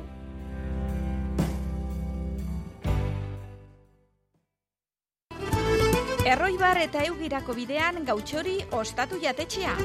Bertako sukaldaritza eta tratu atsegina. Informazioa eta erreserbak bederatzi lau sortzi, iru zero lau zero zazpisei telefono zenbakian edota ostalgautxori.comen. Gautxori ostatu jatetxea zubirin gaude. Autoko giltza, agintea edo sarraia konpondu beharra duzu? Zerrajeria Beloso, automobilaren sarraia gintza teknikoa. Autoko giltzekin duzun edo zein arazo konpondu dezakegu. Burlatan eta zerrajeriabeloso.es webunean aurkituko gaituzu. Korrika badator, martxoaren hogeita maikatik apirilaren amarrera, amurriotik donostiara. Itzekin, aurrera korrika!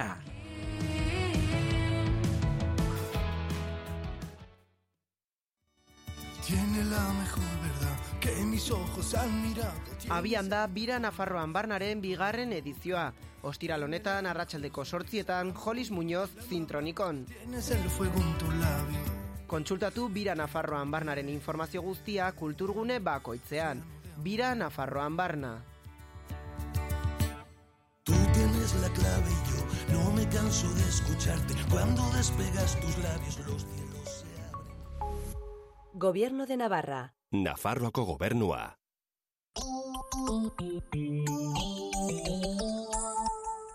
Euskal Herria irratian, Metrópoli Forala.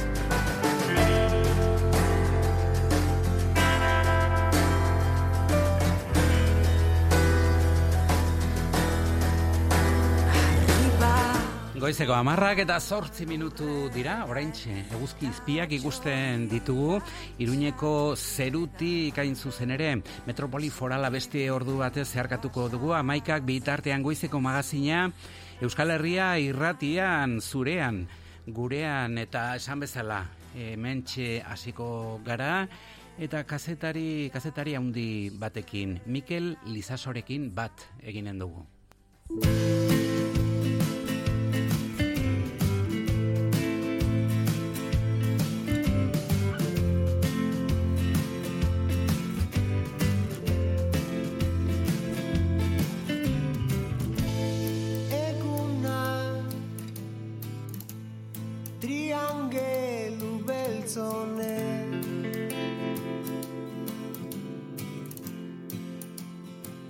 Irentsita laguntza Mikel Izaso, e, kazetaria irakaslea, eta inguruari adi-adi erreparatzen dion gizona egunon.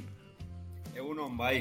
Bueno, gaztetxu bat e, ikusi duzu bilabesan mundutikat e, begiak pantailara begira, begira, begiak mugikorrean sartuta zuzen ere.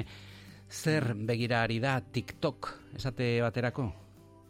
Ba, bai, TikTok edo Instagrameko bideo horietako bat, baina buklean, ez da? Bai, igual izango ziren goizeko sortzirak, eta gainera alako nahiko burumakur, nahiko e, postura ba, geldoan eta hor, eta ikusten e, oso modu pasiboan, ez? Ba, buklean e, pertsona bat hor e, dantzan, gero e, argi pila bat, eta eta esan, ba, ba atentzio eman zidan, ez da?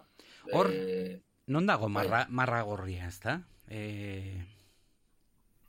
Ez da erreza jakitea, ez da erreza jakitea. Nik uste e, beste hainbat gauzekin bezala e, tresnerian asko aurreratu dugula, baina tresneria hori erabiltzeko moduan e, oso oso asko dugula ikasteko oraindik ez da?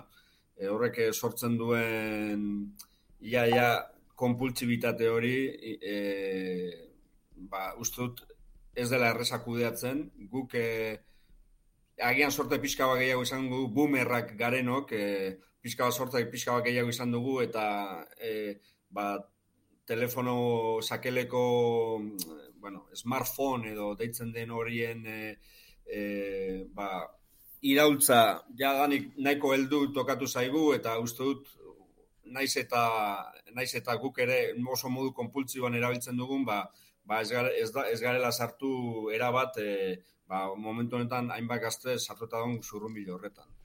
Hala uste duzu, gu bumerrak e, ez garela murgildu, hain, hainbeste, ez da? E, Bai, bai, pantalla, bai. Bat, pantalla baten aurrean gu ere, ez da?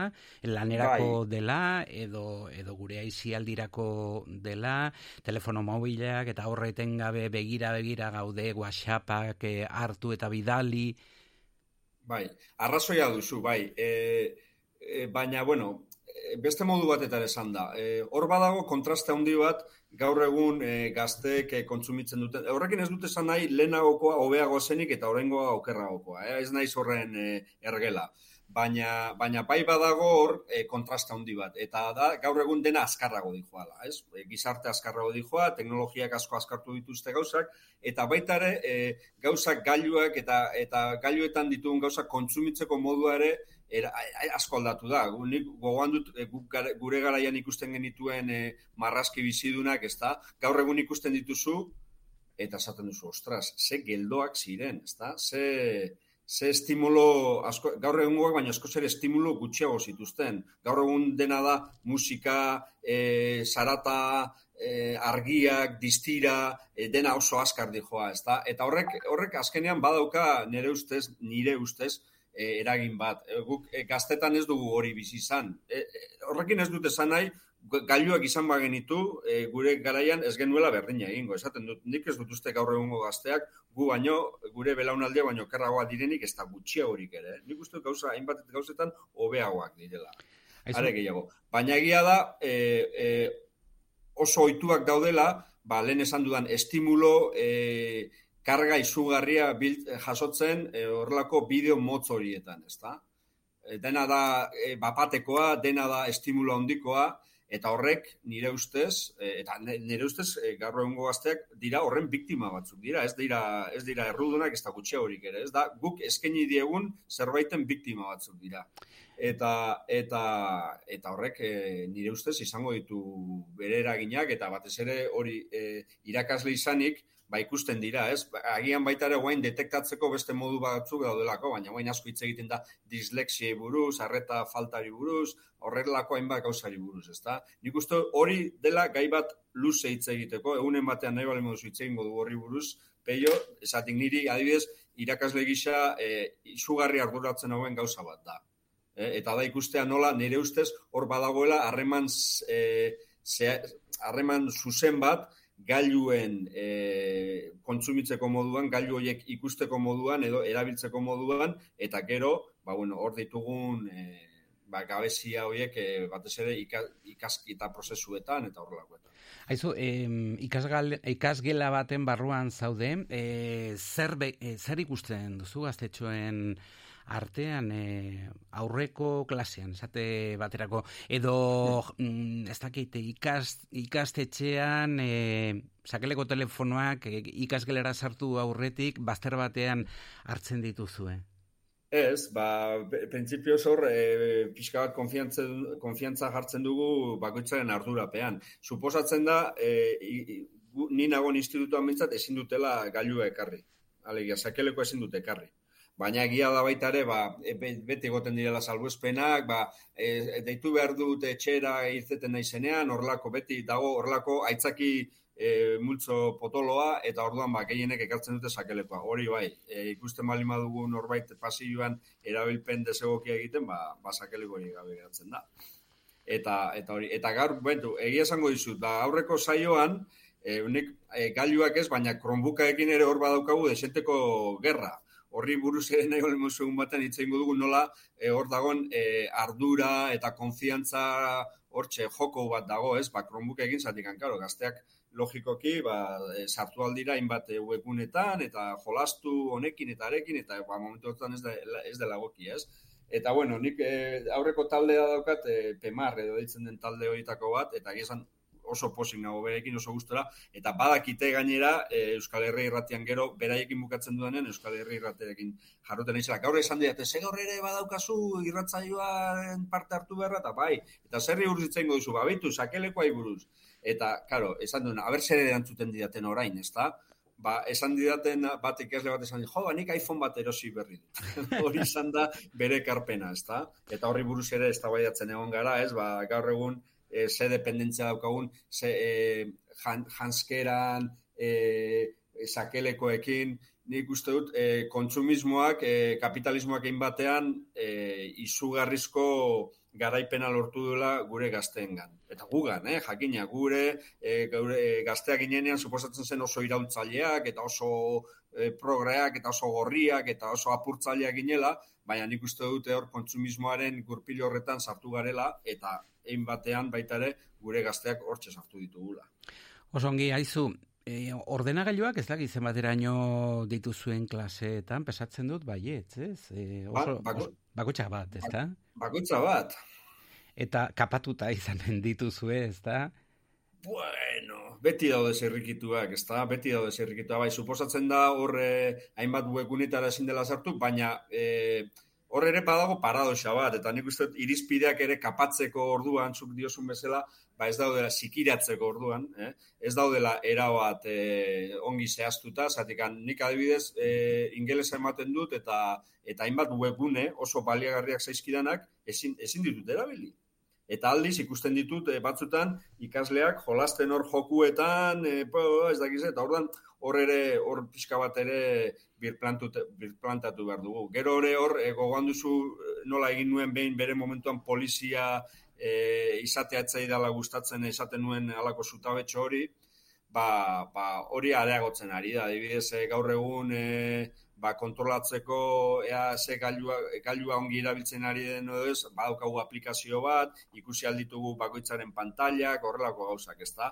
Eta nire egia esan, ba, bueno, alde batetik irutzen zait, e, tresna hori erabili behar dugula, zatikan, e, ikasle batzuek bere ardura ez dute ongi betetzen eta gailu horiek ez dituzte ongi erabiltzen eta beraz ba, kontrolatu behar ditugu modu batera besta, baina bestaletik izugarrizko pena ematen dut horrela ibili beharra, eta horrelako aplikazio e, erdi fasistak erabili beharra. Mikel Lizaso, irakaslea eta kazetaria, mi eskaretan nahi duzun arte ongi zan.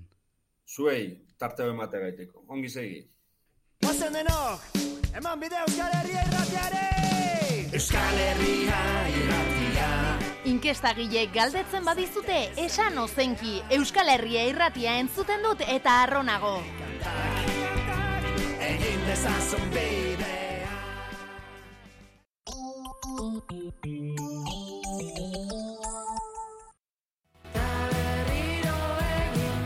Bodegas leire kongietorri ematen dio, hogeita bigarren korrikari, aurrera korrika.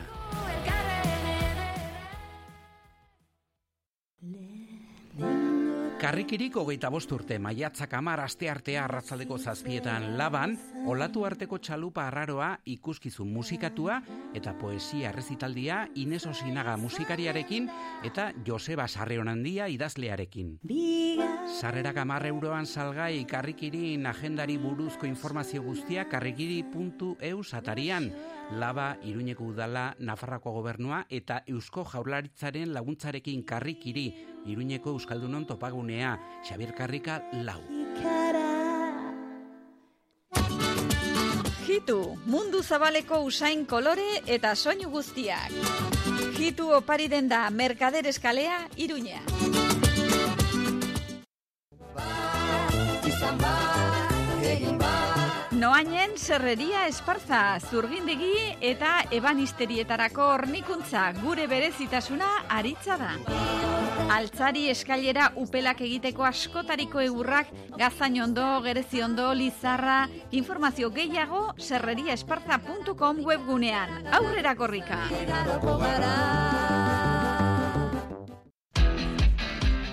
Posten gara ermitagainako merkatuan zu ikusteaz, bertan zerbitzurik onena, kalitatezko produktuak eta higiene eta osasun baldintza egokienak zuri eskaintzeko lanean ari baikara.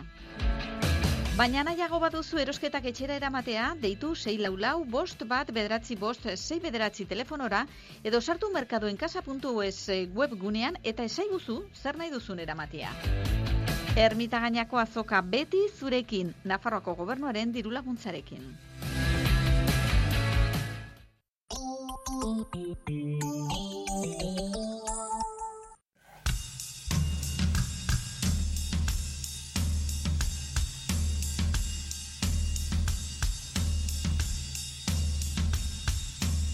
Metropoli foralean, metakazetaritza. I just wanna fly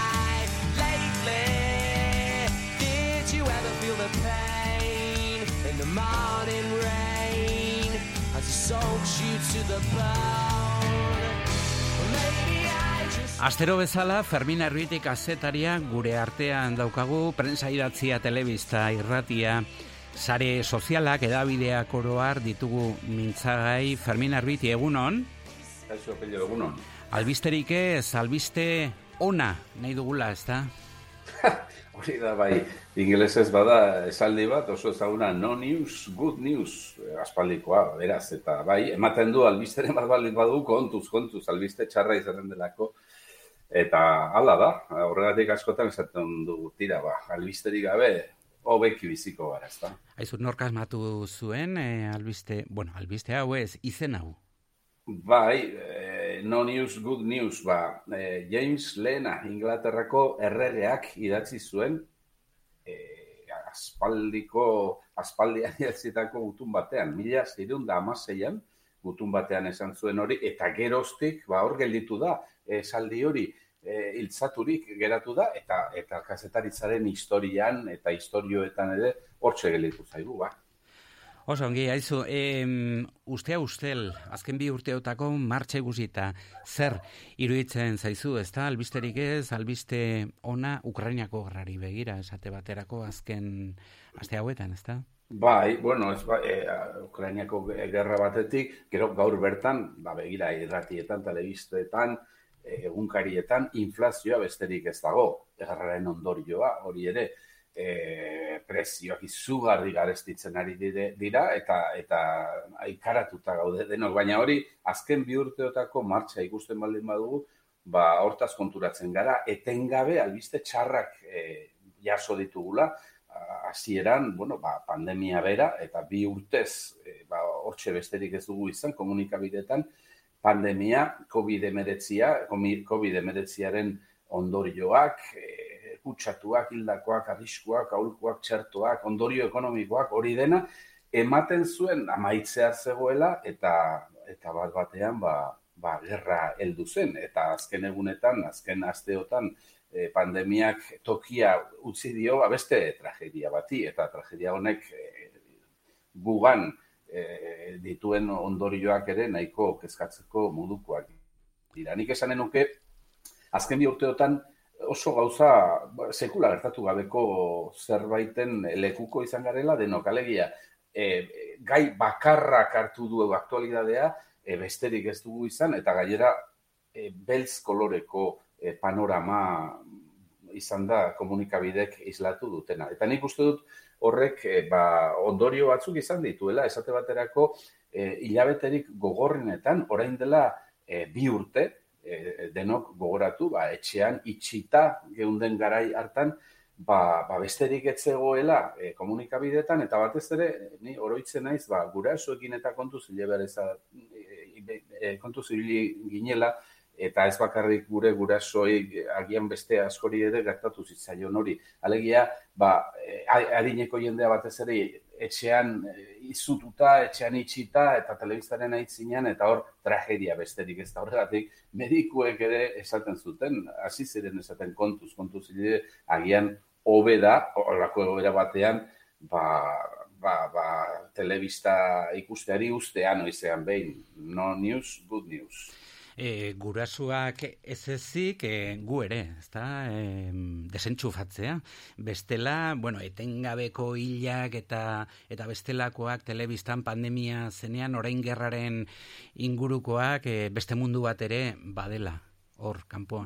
Bai, bai, nik esaten dut adineko jendea, batez ere, bueno, zaurgarrienak e, zirelako, jo mugan zeuden, eta orduan, bueno, ba, gogorra zen, ez da hori ikustea, baina bai, dudari gabe, e, bai, etengabeko uolde horti, hartatik, ba, ies egiteko, ba, gauza batzuk egin zitezken, eta nik uste dut, e, bueno, ba, ba hori e, kontuan hartzekoa dela. E, etengabe, albiste txarrak, e, jasotzen ibiltzea txarra delako, dudari gabe. Eta horrek ere, ondorio psikologikoak ere izan ditzake. E, ze, hori, horatu behar da. E, honek guztiak, pandemiak eta izan duen ba, ondorioa alde hortatik e, asko ugaritu direlako suizidioak eta bar, eta hori nik uste dut oso, oso hau larria dela bai. Aizu, e, fakultatean gaudela edo zaudetela ez da, kazetaritza ikasi e, zenutenak, e, beti lanabez nagusia e, albiste honak izaten ziren. Bai, ba, egia da, guri esan ziguten, behin esan ziguten e, fakultatean, garai batean e, norbaitek e, e, albiste onak e, besterik ekartzen zituen egunkari bat martxan jarri zula. Eta egia esan, ba hau dena prestatzen ari nintzela, saiatu nahi sarean hori aurkitzen, baina horren arrastorik ez dago. Baina egia da, e, sarean, bai, interneten, e, badirela esperientzia batzuk. Alegia, kazetari batzuek albiste honen aldeko apustu egin dute eta esan dute guk bakarrik albiste onak emanen ditugu eta eta horren berri badugu, bai. Badira, olako, bueno, komunikabide batzuk, sarean interneten batez. Bueno, eguneroko baikortasuna ere azaldu behar dugula, ez da?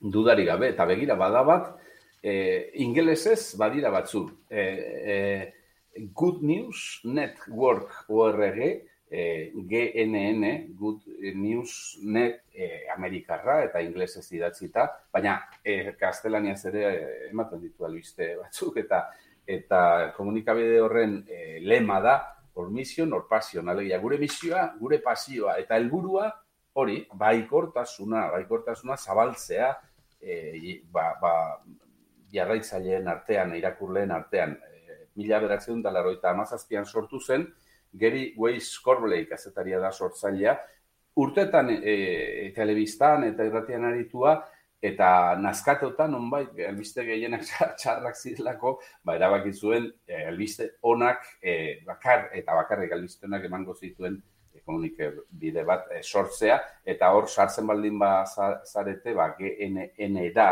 ikusiko duzu, ba, zer dagoen dena arrosa kolorikoa. Mundua ez da olakoa, baina tira. E, elkartasuna, esate baterako Ukrainiako gerraz hitz egiten dute, baino e, e, ez tragediaz, baizik eta horrek piztu duen elkartasunaz, naturaren inguruko albisteak, ikerketak nola egin duen aurrera, medikuntzan eta bar, ekonomia berdea, aurrerapenak eta olako gauzak. Beraz, bakarrak albiste onak eta badira beste batzuk, ba, esate batera ingelesez ere, only good news, O-G-N, daily. Eh, only good news and other stuff to make you smile. Alegia, eh, garrantzitsuena zer da, kasu honetan, ba, zure irribarrea eragitea. Eh, eta, eta horretarako noski, ba, albiste honak, eta ez bakarrik eman, eman egiten dituzte, eta eskatu ere irakurleari, eh, gombita ematen diote, eskaintzen diote, eh, hori, eh, zu kontazazu zure historia, historio baikorra, eta nahi bauzu bideo bat ere bidali edo argazkia, eta bar, bueno, ba, badira olako, olako komunikabideak, ingelesez batez ere, Euskaraz horren arrastorik ez du nik aurkitu, ba, norbaitek sortu beharko du noizbaitagian, eta gaztelaniaz ere, cuéntame algo bueno.com, buenas noticias, en positivo, badira batzuk, bai, olakoa. Aizu, irribarrea eragiteko, salvame deluxe, eta badakizu jarraitzaile sutsua zela, Fermin. Ez dakit egia esan ez, baina baina badakit oso arrakastatsua dela egunkarietan lehengo gunean ikusi nuen, eta badituzte arazo batzuk ez da, e, e, paiekin eta salaketaren bat, altzo ikusi nuen egunkarian, baina bai, bueno, bai, bai e, bakoitzak bere autua egin behar du, eta argi dago, saio hoiek ere, ez dakit oso positiboak diren, baina jarraitzaile asko dituztela, gurean ere, Euskal Herrian. Albiste honak eta txarrak, baino mm, zure ustez, kazetaritzaren ikuspegitik, eh, badu zentzurik bakarrik albiste honak ematea? Ba, ez, nik ez ez esanen nuke, ez ez esanen nuke, ze, azken finean kazetarion helburua baldin bada munduan ze gertatzen den e, kontatzea, alde, era askotako, era guztietako albizteak eman behar dira, ez da, onak eta txarra, baina egia da, egia da, askotan e, txarrak nabarmentzen ditugula, eta eta da ere jendea ba, nahiko askaturik dagoenez horrekin eta batez ere orain azken bi urteotako sama hori oso handia da eta e, sama hori neurri batean gainetik kendu behar dugunez egia da e, komunikabideetan e, komunikabide gehienetan ba alegin bat dagoela e, albiste onak nabarmentzeko eta nik hori egunkarietan irratietan ikusten ari naiz ezta? Ba eh, elkartasuna, aleginaren garrantzia, zintzotasuna, horren atzean eta hori eh, oinarritzat eh, duten ba, ba, elkarrizketak eta reportajeak eta irakurtzen eta entzuten ari gara. Esate baterako, eh, aste hontan eh, notizia da, dudari gabe, eh, eh, binakako pilota eh, eh, igandeko finala, ez? Ba, atzo berriak zer egin zuen lasorekin, laso atera zuen, e, horri bat horri bat eman zion, e, lasori buruz hitz egiteko, baina elkarrizketa egin beharrean ze kontatu zuten. Ba, lasok e, eginiko ibilbidea, aleginaren garrantzia, e, bueno, ba, nola bota zuten enpresatik, zer egin duen, nola e, heldu den onaino, eta beste ikuspegi batetik, eta nik uste dut horrek edara guzten duela ba, zerbait, ez da? Ba, bai, ba, holako e, adibideak behar ditugula, e, eta, eta nik uste dut, bueno, hori beharrezko dela, baina esaten zenun bezala, egoki alda eh, bakarrik albiste honak ematea, ba, ez, hori ez delako gure mundua. Egoki alda den denak eh, txarrak izatea, ba, ez, e, mundu untan denetarik dagoelako, ba, albiste hon, eta txarrak naiz eta azken bi urteotan egia esan, ba, albiste gehienak oso txarrak izatea. Atzoko, Espero dezagun, udaberriaren hasierarekin ere, udaberria helduko dela komunikabidetara, eta amaituko dela nuiz baita gerra eta inflazioa, eta bar. Bai, inflazioa aipatu duzula, Ukraina, hoiek ere oraindik protagonista, korrika i, i, em, inposatzailea dela horrelakoak ere. E, berria gara diario, diario de noticias, diario de Navarra hemen, maiaren bueltan ditugu, hor gaurko edizioetan ikusi duzu zerbait, horrela, ez dakit, ona, barregarria, Ba, ba, ba, esate baterako ikusi dut, guztiok ikusi dugu, batetik garraiolarien e, kontu hori e, lan ustea e, amaitu dela, eta ikusi dugu e, korrika bera, beste albiste oso ona, ze oso triste izan zen e, ikustea, ba, bertan bera utzi behar izan zutela, eta e, korrika karriketara eta euskara karriketara, da ikusten dugu horri lotuta, ba, gure alkate jaunak hartu duen erabakia, ba, bueno, esan nahi dut beti, euskara eta arazoak, ez da, lotzea, euskara arazo badiz bezala, baina oroar hori esanen nuke, ba, korrika hasiko dela gaur, eta hori oso oso albiste ona da, eta guztiontzat, ba, pozgarria, eta ongi etorria emanen diogu dando zen egunetan. Bai, noski, korrika karriketara eta termometroa kontra, hori ere Hori egia da, bai. berdaderoa. E, udaberrian negu gorria, e, hori ere, e, pronostikoak betetzen baldin badira, ba, neguan, negu gorrian sartuko gara, e, bihar bertan, ez aurre egin beharko diogu gorri herri. Apirilean bereziki gora eta bera, ez da, eguraldia. Astero bezala, Fermin Arbitik azetaria gurean, prensa idatzia, telebista irratia, sare sozialak edabideak oroar, mintzagai. Nahi duzun arte, ongi zan, Fermin? Eskerrik asko pello, agur. Agur. euskalherriairratia.eus Iruñerriko Euskaldunon orainkaria, etengabe, gaurkotua, albisteak iritziak agenda, testuak, podcastak, bideoak, Iruñerria, entzun, ikusi, gozatu, euskalherriairratia.eus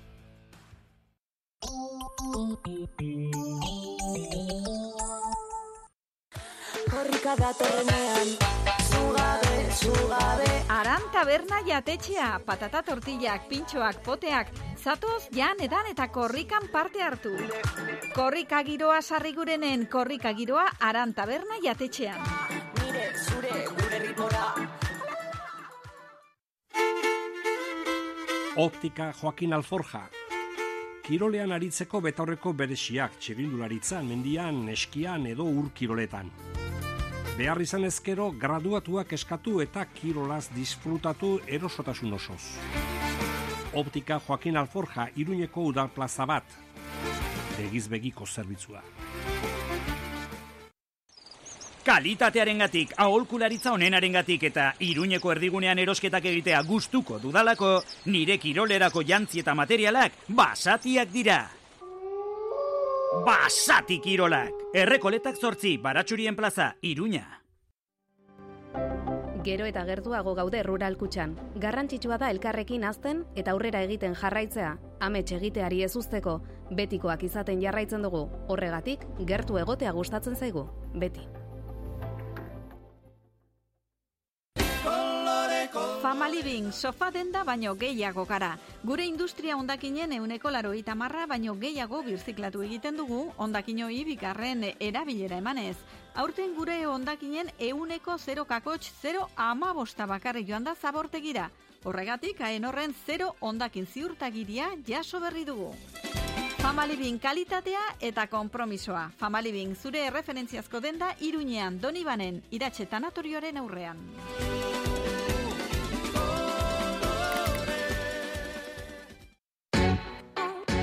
Carmen Kaleko herriko taberna, aste guztia irekia eskaintza paregabearekin.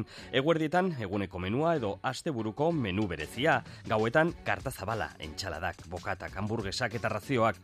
Ostegunetan gure talo mitikoak. Gainera, ardo karta berezia. Carmen Kaleko herriko taberna, Iruña.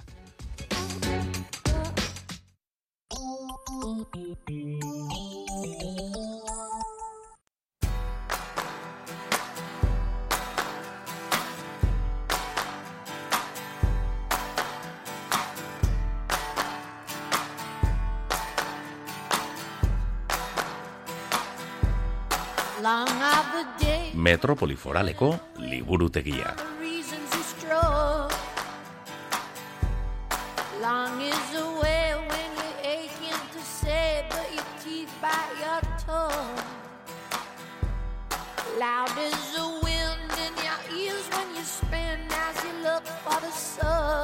Metropoli foraleko liburutegian barneratuko gara bai eta bertan garazi arrula editorea gure artean egunon.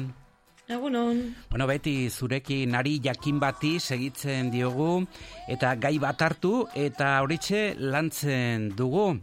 Eta oraingo honetan mafia, zergatik mafia Italian ibili zarelako besteak beste. Ba, ba bai, ba, gaur eginen dugu ba, nolabaiteko bidaia Italiara, eta, mm, eta bai, bilin nintzen aurreko astean izan genuen Boloniako aur literatura zoka, eta ba, zer liburu eraman erabakitzeko ez nuen hartu aur libururik, baizik eta mafia izeneko liburua. Eta atera zuna txalapartak mila betzen da laro mazazpigarren urtean, eta, eta bueno, ba, tituloak dioen bezala, ba, mafiaz mintzo da. Bai, esai, e- esai da zu e, sinopsi labur bat egin, liburu honen inguruan, mafia liburua. Ba, bai, bai, e, lehenengo edizioa atera zuten erroman, mila behatzen dalaro gaita lauan, eta kontatzen da ba, mafiaren sorreratik hasita eta horren bilakaera osoa, ez? Izena bizenez eta ekintzaz ekintza. Zeren, bueno, e, mafia hitza e, sartu da e, mundu mailako hizkeran, baina e, ez da ez da esan nahi originarioarekin edo erabiltzen, ez? E, mafia ez soilik bere lurraldea kontrolatzen eta bere legea indarrez inposatzen duen erakunde kriminal bat, askoz gehiago da, ez da? Eta liburu honetan hori aislatzen saiatzen da. Mafia dela, ba, botere politiko, ekonomiko eta eta finantzieroan eragiten duen era, e, sare bat e, eta merkatuak agintzen dituen legeetan sustraitzen dena. E, liburua idatzi zuen Giuseppe Fava, e, ikertzaile eta bueno, kazetaria zan, e, ikertzailea, eta e, berak inork ez bezala ezagutzen zituen garaian e, ba, sare, esandako sare hau, eta e, batez ere kokatzen du Sizilian. Ba, esaten danez, ba, bertan sortua baita mafia eta bereziki kontatzen dira ba, bilakaera hori Sizilia mendebaldean. Eta hain zuzen, ba, Giuseppe Fava autorea hil egin zuten, eta hil baino justo lehenago idatzia zeukan e, liburu hau. Eta bueno, batxala partan edizioan e, semeak e, egiten du hitzaurre moduko bat. Eta bereziki nabarmentzekoa da liburuan ez bakarrik kontatzen direnak baizik eta nola kontatzen diren ba deskribapen oso biziak eta ederrak e, dituelako ez bakarrik ekintzenak ez e, sarraskienak baizik eta herrienak ere bai. Bai, esan duzu mafia, e, boterea, eta hori baino gehiago ere badela, gaur egun lobiak ditzen dituzte, ala iruditzen zaizu. Bai, bai, bai, gaur egun ere baditugu mafiak, eta, bueno, italian bertatik atera gabe, esaterako, e, azken hilbeltza, hilbeltza bilduman, e, atera, atera da Massimo Carlotoren eleberri beltza, eta hain zuzen ba bueno bakarlotok ere ustelkeria ustelkeriaren gizartea agerian uzten du or, kasu honetan e, Italiaren iparraldean eta eta pixkate ba hori ba gizartean gora egiteko amarru eta azpilokoen bitartez ba nola egiten du alako Italia garaikidearen kritika sozial banaiko gogorra, ez? Non bortizkeria eta saldukeria eguneroko ogia baitira eta dena den, bazuk esan bezala, e, peio ez dugu italiaraino joan behar, e, gaur egun baditugulako ere gurean bertan e, enpresa elektrikoen oligopolioak, energia sektoreko mafia izugarriak, e, gaur egun gainera horne gaien eskasia daukagun honetan, ba, bueno, ba, azpiegitura handien atzeko kontratazio irregularrak ere aipatzen alditugu, aurreko aldian mintzo ginen atxetez, eta bertan ez, ekonomikoki eragin duen guztiez, baina gauza bere esan genezake adibidez zaldibarren gertatu zenaz, ezta? Horre azkenean argitara atera zen, ba, ba, kontratazio moduak eta eta obra publikoen kontratazio pribatuak. Eta, bueno, ba, gaur egun, pixkate gauza horiek e, azaleratzen, besteak beste, zorionez badira bat baino gehiago, baina besteak beste ahostar zela eta dugu nahiko ekintzaile e, emankorra, eta ba, dibidez azkeneko liburuan, zaharregoitzen inguruko ikerketa egiten du, non e, ba, egoitza egoitza hoien negozioa eta eta sare klientelar guztia agerean uzten baitu. Bai, aizu, e, dena da legala da, hori zioen aurrekoan e, Iberdrolako presidenteak, ez da? Legearen barruan egiten dugu lan beti, eta esate baterako kaparrosoko makroetxaldeen e, jabeek ere esaten dute. Aizu, hau legala da, eta agian paperaren gainean hori legala da, etikoa ez dakitzen bateraino. Bai, hori da, beti, beti erabiliko den amarrua edo edo beti horri helduko diote, ezta? E, legea legala da ta legean izenean egin dira barra beskaria izugarriak, e, giza eskubide giza eskubideen urraketa, bueno, ba, ongi ezagutzen ditugunak e, gurean ere eta legeak dioelako edo hain zuzen legean utxune utxunea dagoelako ba, ba horri heltzen diote e, zirrikitu guztiak, ezta? Eh nahi, nahi bezala jarduteko eta beren esku izateko ba, bueno, ba, ez bakarrik ingurumena, baizik eta gu guztion e, biziak ere bai. Aizu, orain arte mafia literaturarekin, ekonomiarekin lotu dugu eta pantalla haundiaren aurrean paratuko ditugu gure begiak.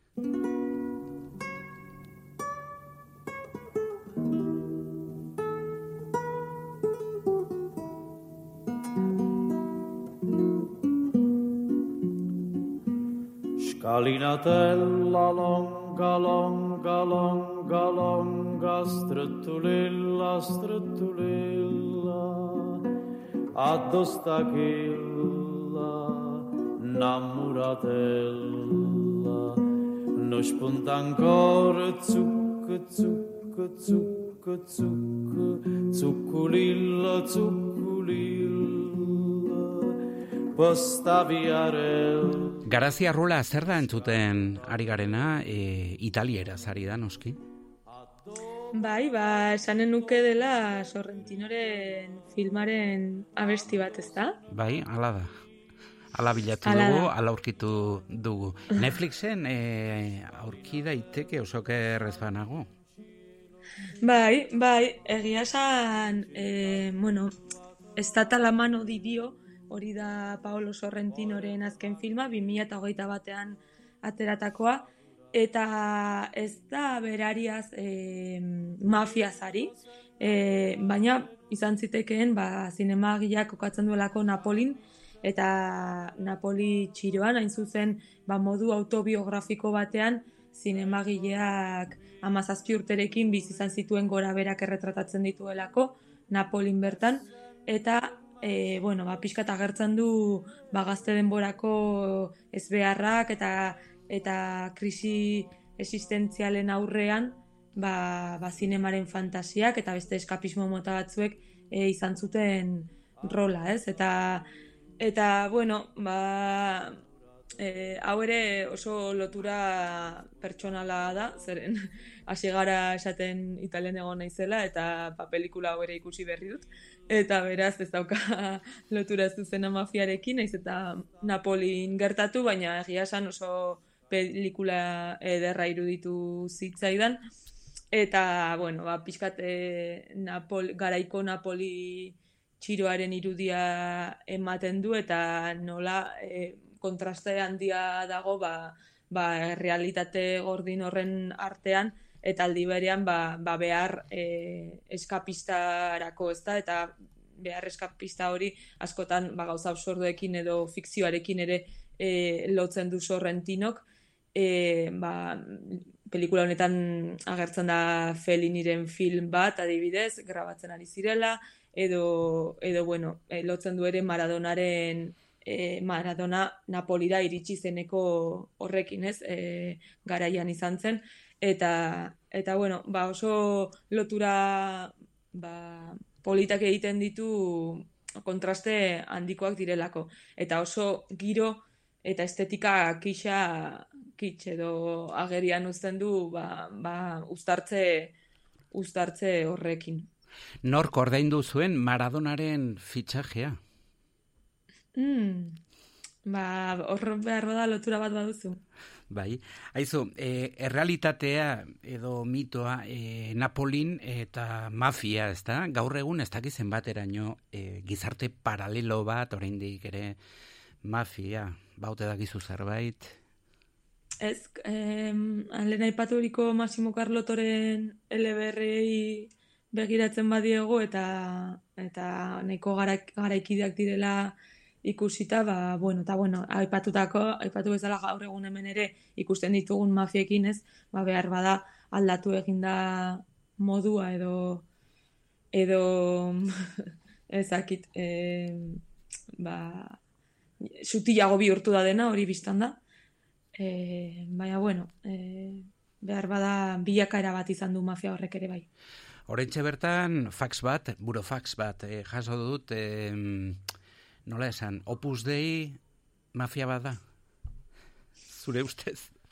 Lobi, Ui, lobi eh, bat? sartuko gineteke urranditan.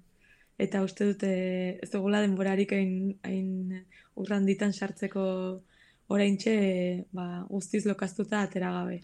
Ordu- Beraz, ordu- behar bada opusa, opusarena beste bateako utzi dezakegu. Ordu beteko saioa eginen genukeelako, ezta? Serie, serie oso bat. Garazi arrula, gai bat hartu, mafia, orengo honetan, eta horren aritik tiraka, ba, sekzio bat osatzen dugula zurekin. Mi esker raunitz eta gaur ere plazera izan da zurekin hitz egitea jo. Ni esker zei. Zure negozioari bultzada eman nahi diozu? Ekitaldi baterako deia zabaldu nahi duzu? Jarri iragarkia zurean, gurean, Euskal Herria irratian. Idatzi, publi, abildua, euskalherriairratia.eus elbidera. Edo deitu bederatzi lau zortzi bat zazpi 0 bat bost bat telefono zenbakira. Publizitatea bertatik bertara.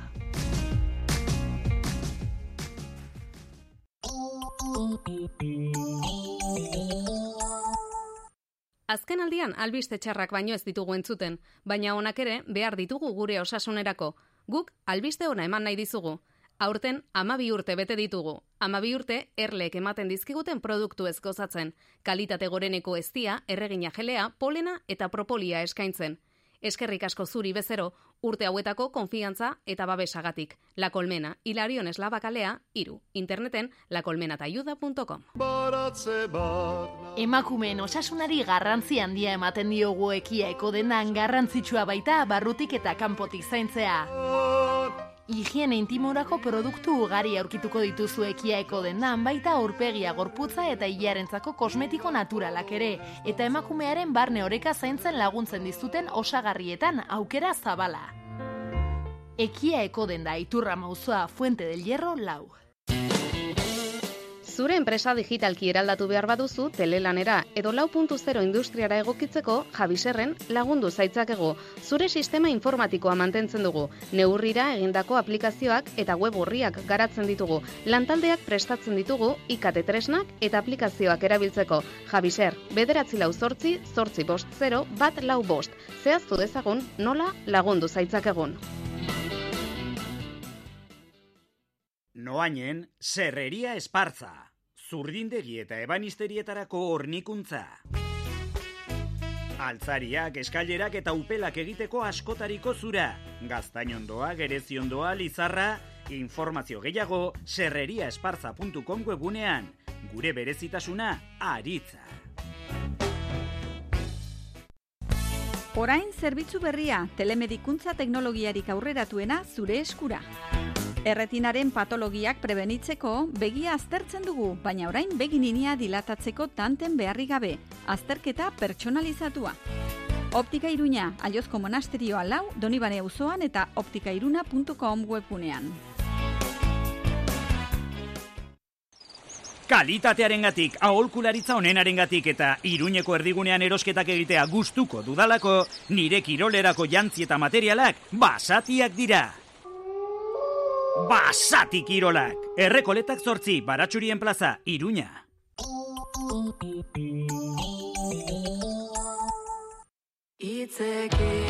Itzekin Euskal Herria irratiarekin. Larun batean korrikak iruñerria zeharkatzen duen bitartean, lau orduko saio berezia. Goizeko bederatzitatik ordu batera, bi moto hainbat berri maile amaika elkarrizketa. Ekin korrikari Euskal Herria irratiaren hitzekin.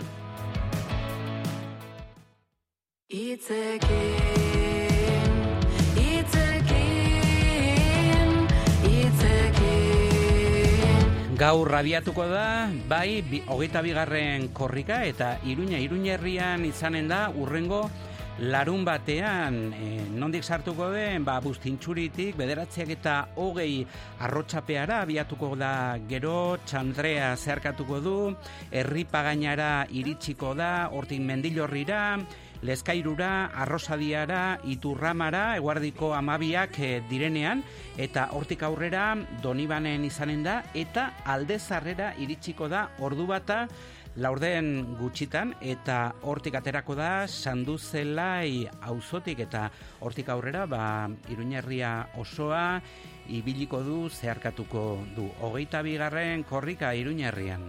Euripean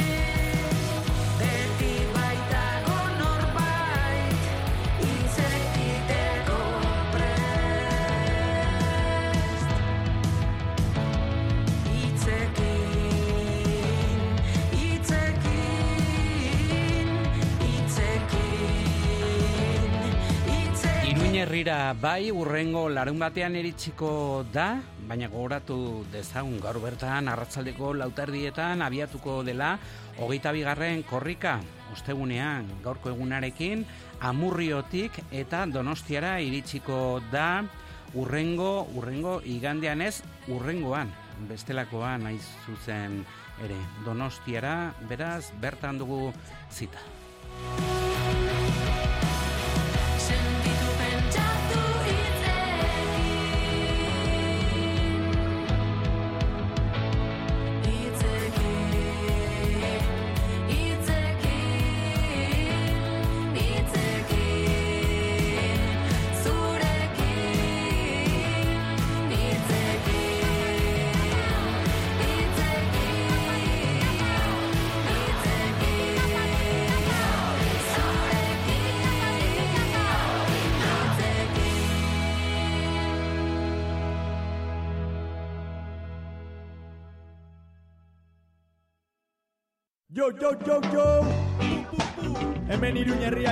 Klas Zuentzako besarka da beroa Euskal Herria irratia Iruñerritik mundu osora.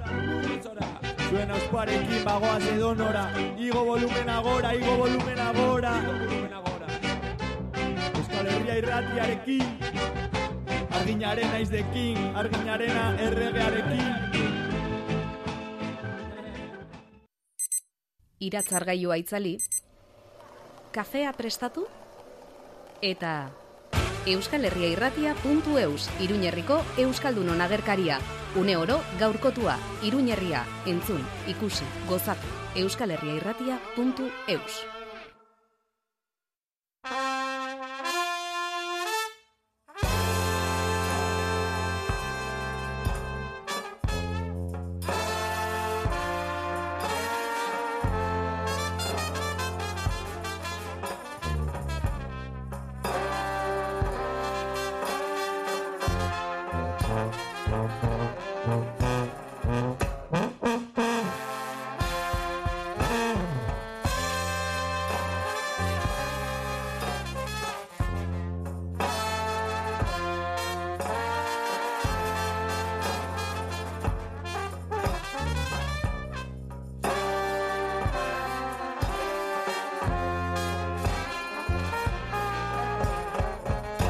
Agur jaunak eta agur Andreak bihar ere itzuliko gara metropoli forala zeharkatzera eta etxe honetan bertan albistegia ordu bat eta erdietatik aurrera, aiotan gizan.